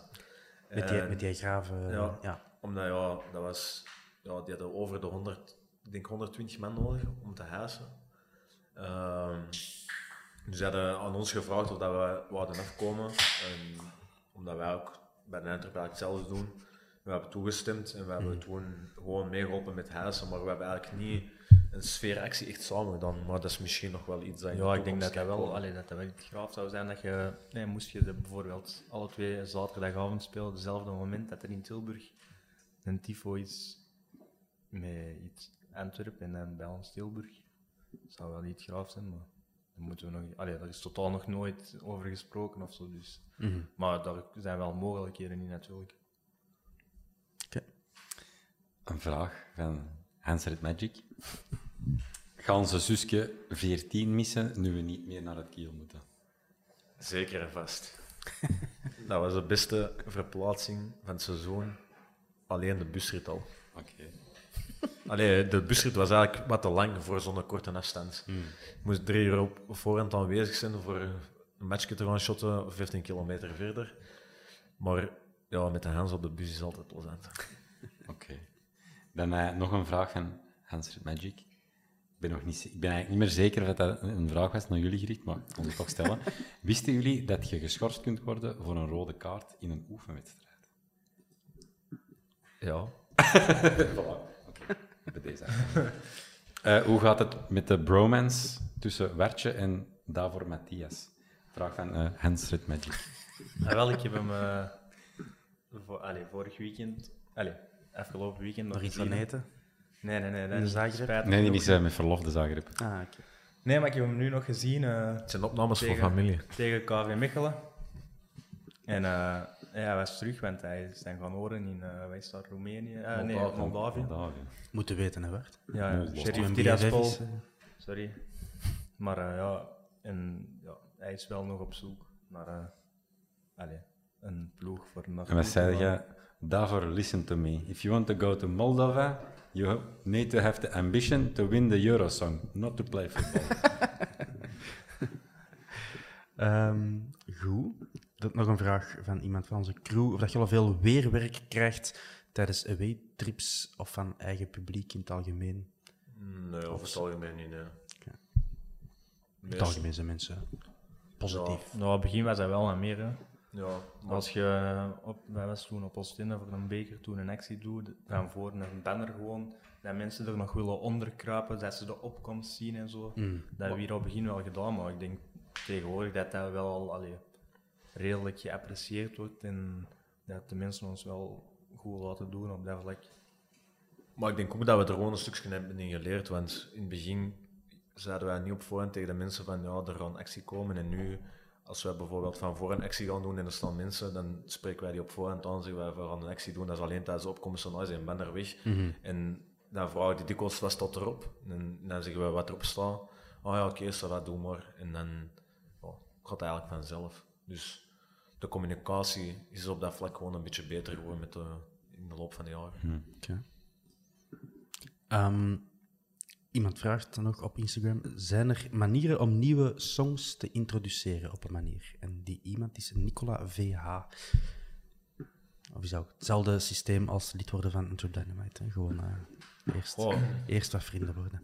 Ik Ik, denk, denk- ik, ik weet niet wat, welk antwoord dat die persoon verwacht. Dat wij een formulier zenden of zo. Van, eh, Nee, maar, maar- hij wil dan liedjes insturen, bedoel Ik weet het niet. Ja. Die, die, zijn er manieren om nieuwe songs te introduceren? Dat is de vraag. Ja, als wij Ik denk eh, gewoon dat die een al- nieuw leak hebben, ja, dan beginnen wij gewoon te zingen in het stadion. Ja. ja, eh, En meestal ontstaat dat ook op een away of zo. Ja, dat is vaak dikwijls al op de bus dat we dat beginnen zingen en dan komt dan de eerste parking, dan begin je dat te zingen en dan staat bij wijze van spreken de Ziggy of de Hans ernaast en die vinden, zeggen, oh, dat is wel een Sarah liedje.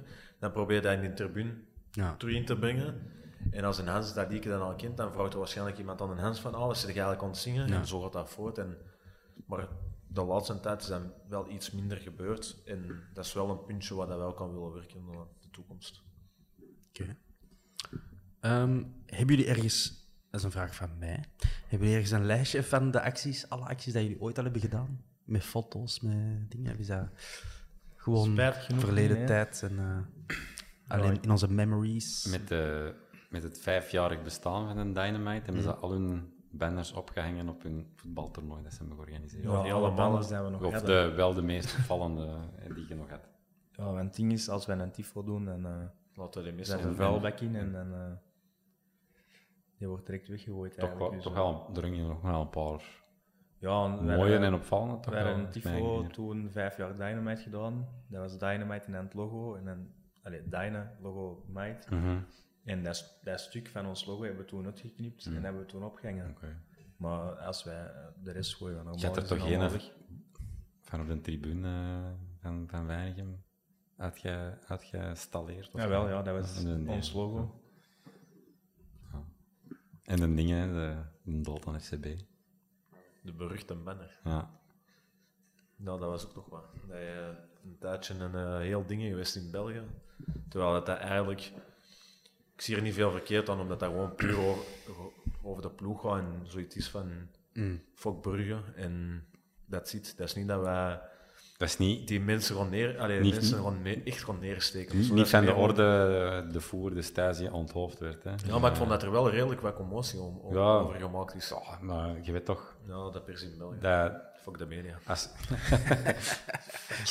Fuck die vierkante pal. Eh, maar je wel... Je had Ik vind het wel spijtig die... dat we dat eigenlijk niet hebben, zo'n een, een tijdlijn met al, al een foto van alles. Dat is misschien eh, iets dat we kunnen doen. een warme op.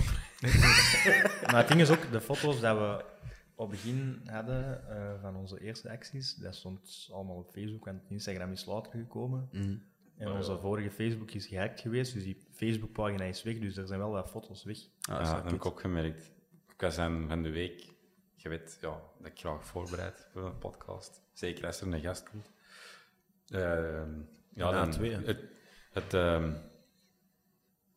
het, het eerste, een van de eerste berichten op de nieuwe pagina is ook van ja, het vorige account is gehackt. Mhm. Gelieve deze pagina te worden, dat is wel een jammer. Ja, want, eh, ik meen mij te herinneren, een grote banner met, met de gouden letters Royal Antwerp Voetbalclub, dat die eh, foto er precies ook niet meer tussen staat. Nee, dat was... Die Facebookpagina is gehackt net voor de verplaatsing naar Pilsen. Ja. Jammer. Ja. Gouden banner Royal Antwerp Voetbal. Nee, dat is een rood-witte banner maar met gouden letters Royal Antwerp Voetbal. Nee, witte letters, Royal Antwerp en een goud kroontje. Ah ja, dat kan ook. Tegen, van met tegenstandaard. goud. Dat is wel bedoeld, ja. Ik vond dat een, ja, een, een, een heel vette banner. Ik denk denk dat ik die zelfs ooit heb gepost met alle vijfjarig bestaan op mijn eigen Facebook. Om jullie te feliciteren toen. Zie die zo'n. Dank u. Een lieve jongen, die zie je. hè. Oh. Eh, we zijn acht jaar bezig. Allee, wij niet. Golle zijn acht jaar bezig. Eh, tien jaar halen jullie sowieso. Ja. Twintig jaar. Ja, normaal gezien 30 wel, ja. jaar. Tenzij dat wij volgende week op verplaatsing gaan, of we binnen een paar weken op verplaatsing gaan, en dat op een of andere manier onze banner gepikt wordt, ja, dan moet je wel op, ophouden met bestaan. Maar als dat niet gebeurt, dan... Is eh, dat dan echt... Allee, zijn jullie van plan om dat te, Mhm. te respecteren dan Ja, ook? Dat is Want dat, Maar dacht, dat ja, oké, maar de dacht dat eerder gold voor eh, de mannen die het hardere werk eh, in de bossen nee, doen. Nee, nee maar we, als sfeer ook een beetje. Hè. Dus al, stel dat onze banner gepikt wordt, en dan praten we vooral over onze hoofdbanner. Als die gepikt zou worden, allee, of één van onze hoofdbanners, Ja. Dat zijn dan met, de banners met ons, echt ons logo op. Als die gepikt zou worden, dan, ja, dan gaan we sowieso opstaan met, allee, ophouden met bestaan. Maar zolang, allee, als Ja. allee, ho- we hopen van niet, maar moest dat gebeuren, dat is de enigste Ja, natuurlijk. dingen. eh 20 jaar, dat, allee, Dynamite zal misschien nog wel bestaan, of 25 jaar, maar dan kan het zijn dat, we, dat hij onze kleine mannen al zijn natuurlijk. Dat is waar. Het is niet, wij gaan dat niet... eh, allee, je, zult er, Thomas en de je, zult, je zult er nog wel mee bezig zijn natuurlijk, dat Ja. opvel, opvolgen en misschien wat instructies en eh, mee eh, Ja. begeleiden en zo, maar ja, dat gaat natuurlijk niet eeuwig blijven duren, maar we gaan ervan uit dat we nog wel... eh allee, dat Dynamite gaat blijven bestaan. Ja. En dan dat is toch de bedoeling? een boek uitbrengen, 20 jaar Dynamite met alle acties. En, goh, ik zie het alleen maar voor me. schoon zijn. Traditie vergaat niet. Dat is een topper. Eh, en verder, ik heb even eh, gescrolld, eh, alleen nog maar bloemetjes van verschillende mensen. We gaan stilletjes aan afronden, denk ik, terwijl je nog belangrijke zaken mede te delen hebben. Ziggy, ik kijk naar uw notitieboekje, dat is gesloten. Ik kijk naar u. Ja, de bloemlezingen van vaste luisteraar, de Wim Moeske. Ja, van Bart de dikke pluim voor jullie tyfo's. En van Bert, onze collega host. Van Rode Mechelse. Vooral veel respect, zegt hem. Ehm, ah ja, dat is eigenlijk een beetje full circle terug. Die merkt nog op of die vraagt van... Ja, hoe ervaren jullie de modernisering van de club? En dat je schrik hebt dat het ruwe Antwerpgevoel eh ja, aan het verdwijnen is. Ik kan naar de wacht, want daarom heeft er al iets wat op geantwoord. Ja. Allee, ja. Ja. Allee, ik heb er wel wat schrik voor, ja. Inderdaad, zoals Robin al heeft gezegd, met, allee, hoe dat er nu een beetje naartoe geleefd wordt, allee, naar de supporters wordt toegeleefd door de club zelf en zo, ja. En ook gewoon, ja, het verhuizen van de tribune, ja, dat, dat heeft gewoon een beetje weggenomen van de beleving en van, van het rauwe, ja. Het is ook gewoon iets speciaals, hè, die tribune 2, dat was, dat was, ja, iets speciaal en dat is nu een beetje weg. Dus, Ja, maar dat wordt ze rauwe. Ja, rauw. Ja, dat, was, dat was deel van de vraag. Ja, ik vond dat Tribune 2, dat was zo, eh, ja, nu is het allemaal zo moderner. En het is, ja, het is gewoon anders. En daarvoor, de tribune, dat is, trouwens- allee, dat is ook gewoon doordat hij zo oud is en doordat hij Hmm. aan het afbrokkelen is en zo, dat is toch iets... Dat straalt niet uit. Ja, ja. Goh, dan ga je broer eerst proberen te kijken te zitten of zit. eh, ja, ik vond het gewoon grappig. nee, de rauwe sfeer, ja. Goed. Ja, ik denk dat dat gewoon een beetje door de nieuwe tribune sowieso al wat is weggegaan. Het randje het, dat eraan zit, ja. Proberen, ze proberen het wel wat af te houden. Vind ik ook soms jammer. Nou, Maar dat, dat was natuurlijk niet te, niet te vermijden, hè, dat er een nieuwe tribune ging komen en zo. ja. Trouwens, zie je, je had het over de Dynamite Cup. De Hans heeft er een vraag over ingestuurd. Ik had gezegd dat ik die ging beantwoorden. Wie was de beste speler van de Dynamite Cup? Ja, dus op het einde van het toernooi is de Hans het gekozen als beste speler van de Dynamite Cup. Maar er was ook een beste beenhouwer van de Dynamite Cup. En dat was een Troy Robeet. Een trui. en dat was van de befaamde ploeg Schild en Pint. waar ik mee onderdeel. Oké. Alright, dus bij deze zijn alle vragen beantwoord. De Wart eh, moet naar het toilet, dus we gaan het nu, we gaan het nu afronden. Oh, het geld loopt hier onder een bureau. Eh Mannen, merci. Ik eh, wens jullie nog eh 20 en nog 100 jaar toe eh, met een Antwerp Dynamite. Ehm zie je, ga nog iets te melden? Ik vond het heel leuk. Ehm, ja, met drie vrienden opnemen over iets totaal anders dan een match. Dus eh, merci gasten en doe zo voort. Ik blijf al... eh, Dus een Thomas is geen Ja, ik wou juist zeggen, drie vrienden. Dat is, dat is wel... Ja, dat zijn toch drie vrienden? En drie Ah, vrienden. Ja, Ja. ja, het is genoteerd. hè. Met drie vrienden van mij. Nee, Anne, merci. Robbe, Wart, eh doe zo voort. We kijken uit naar wat er dit seizoen allemaal gaat gebeuren. En en een warme oproep.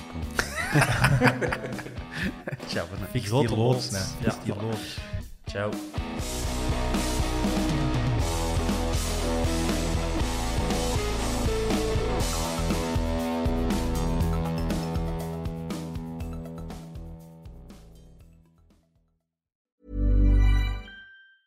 Hi, I'm Daniel, founder of Pretty Litter. Did you know cats tend to hide symptoms of sickness and pain? I learned this the hard way after losing my cat, Gingy. So I created Pretty Litter, a health monitoring litter that helps detect early signs of illness by changing colors, saving you money and potentially your cat's life. Pretty Litter is veterinarian developed, and it's the easiest way to keep tabs on your fur baby's health right at home. Go to prettylitter.com and use code ACAST for 20% off your first order and a free cat toy. Terms and conditions apply. See site for details. Ever catch yourself eating the same flavorless dinner three days in a row? Dreaming of something better? Well, HelloFresh is your guilt free dream come true, baby. It's me, Kiki Palmer. Let's wake up those taste buds with hot, juicy pecan crusted chicken or garlic butter shrimp scampi.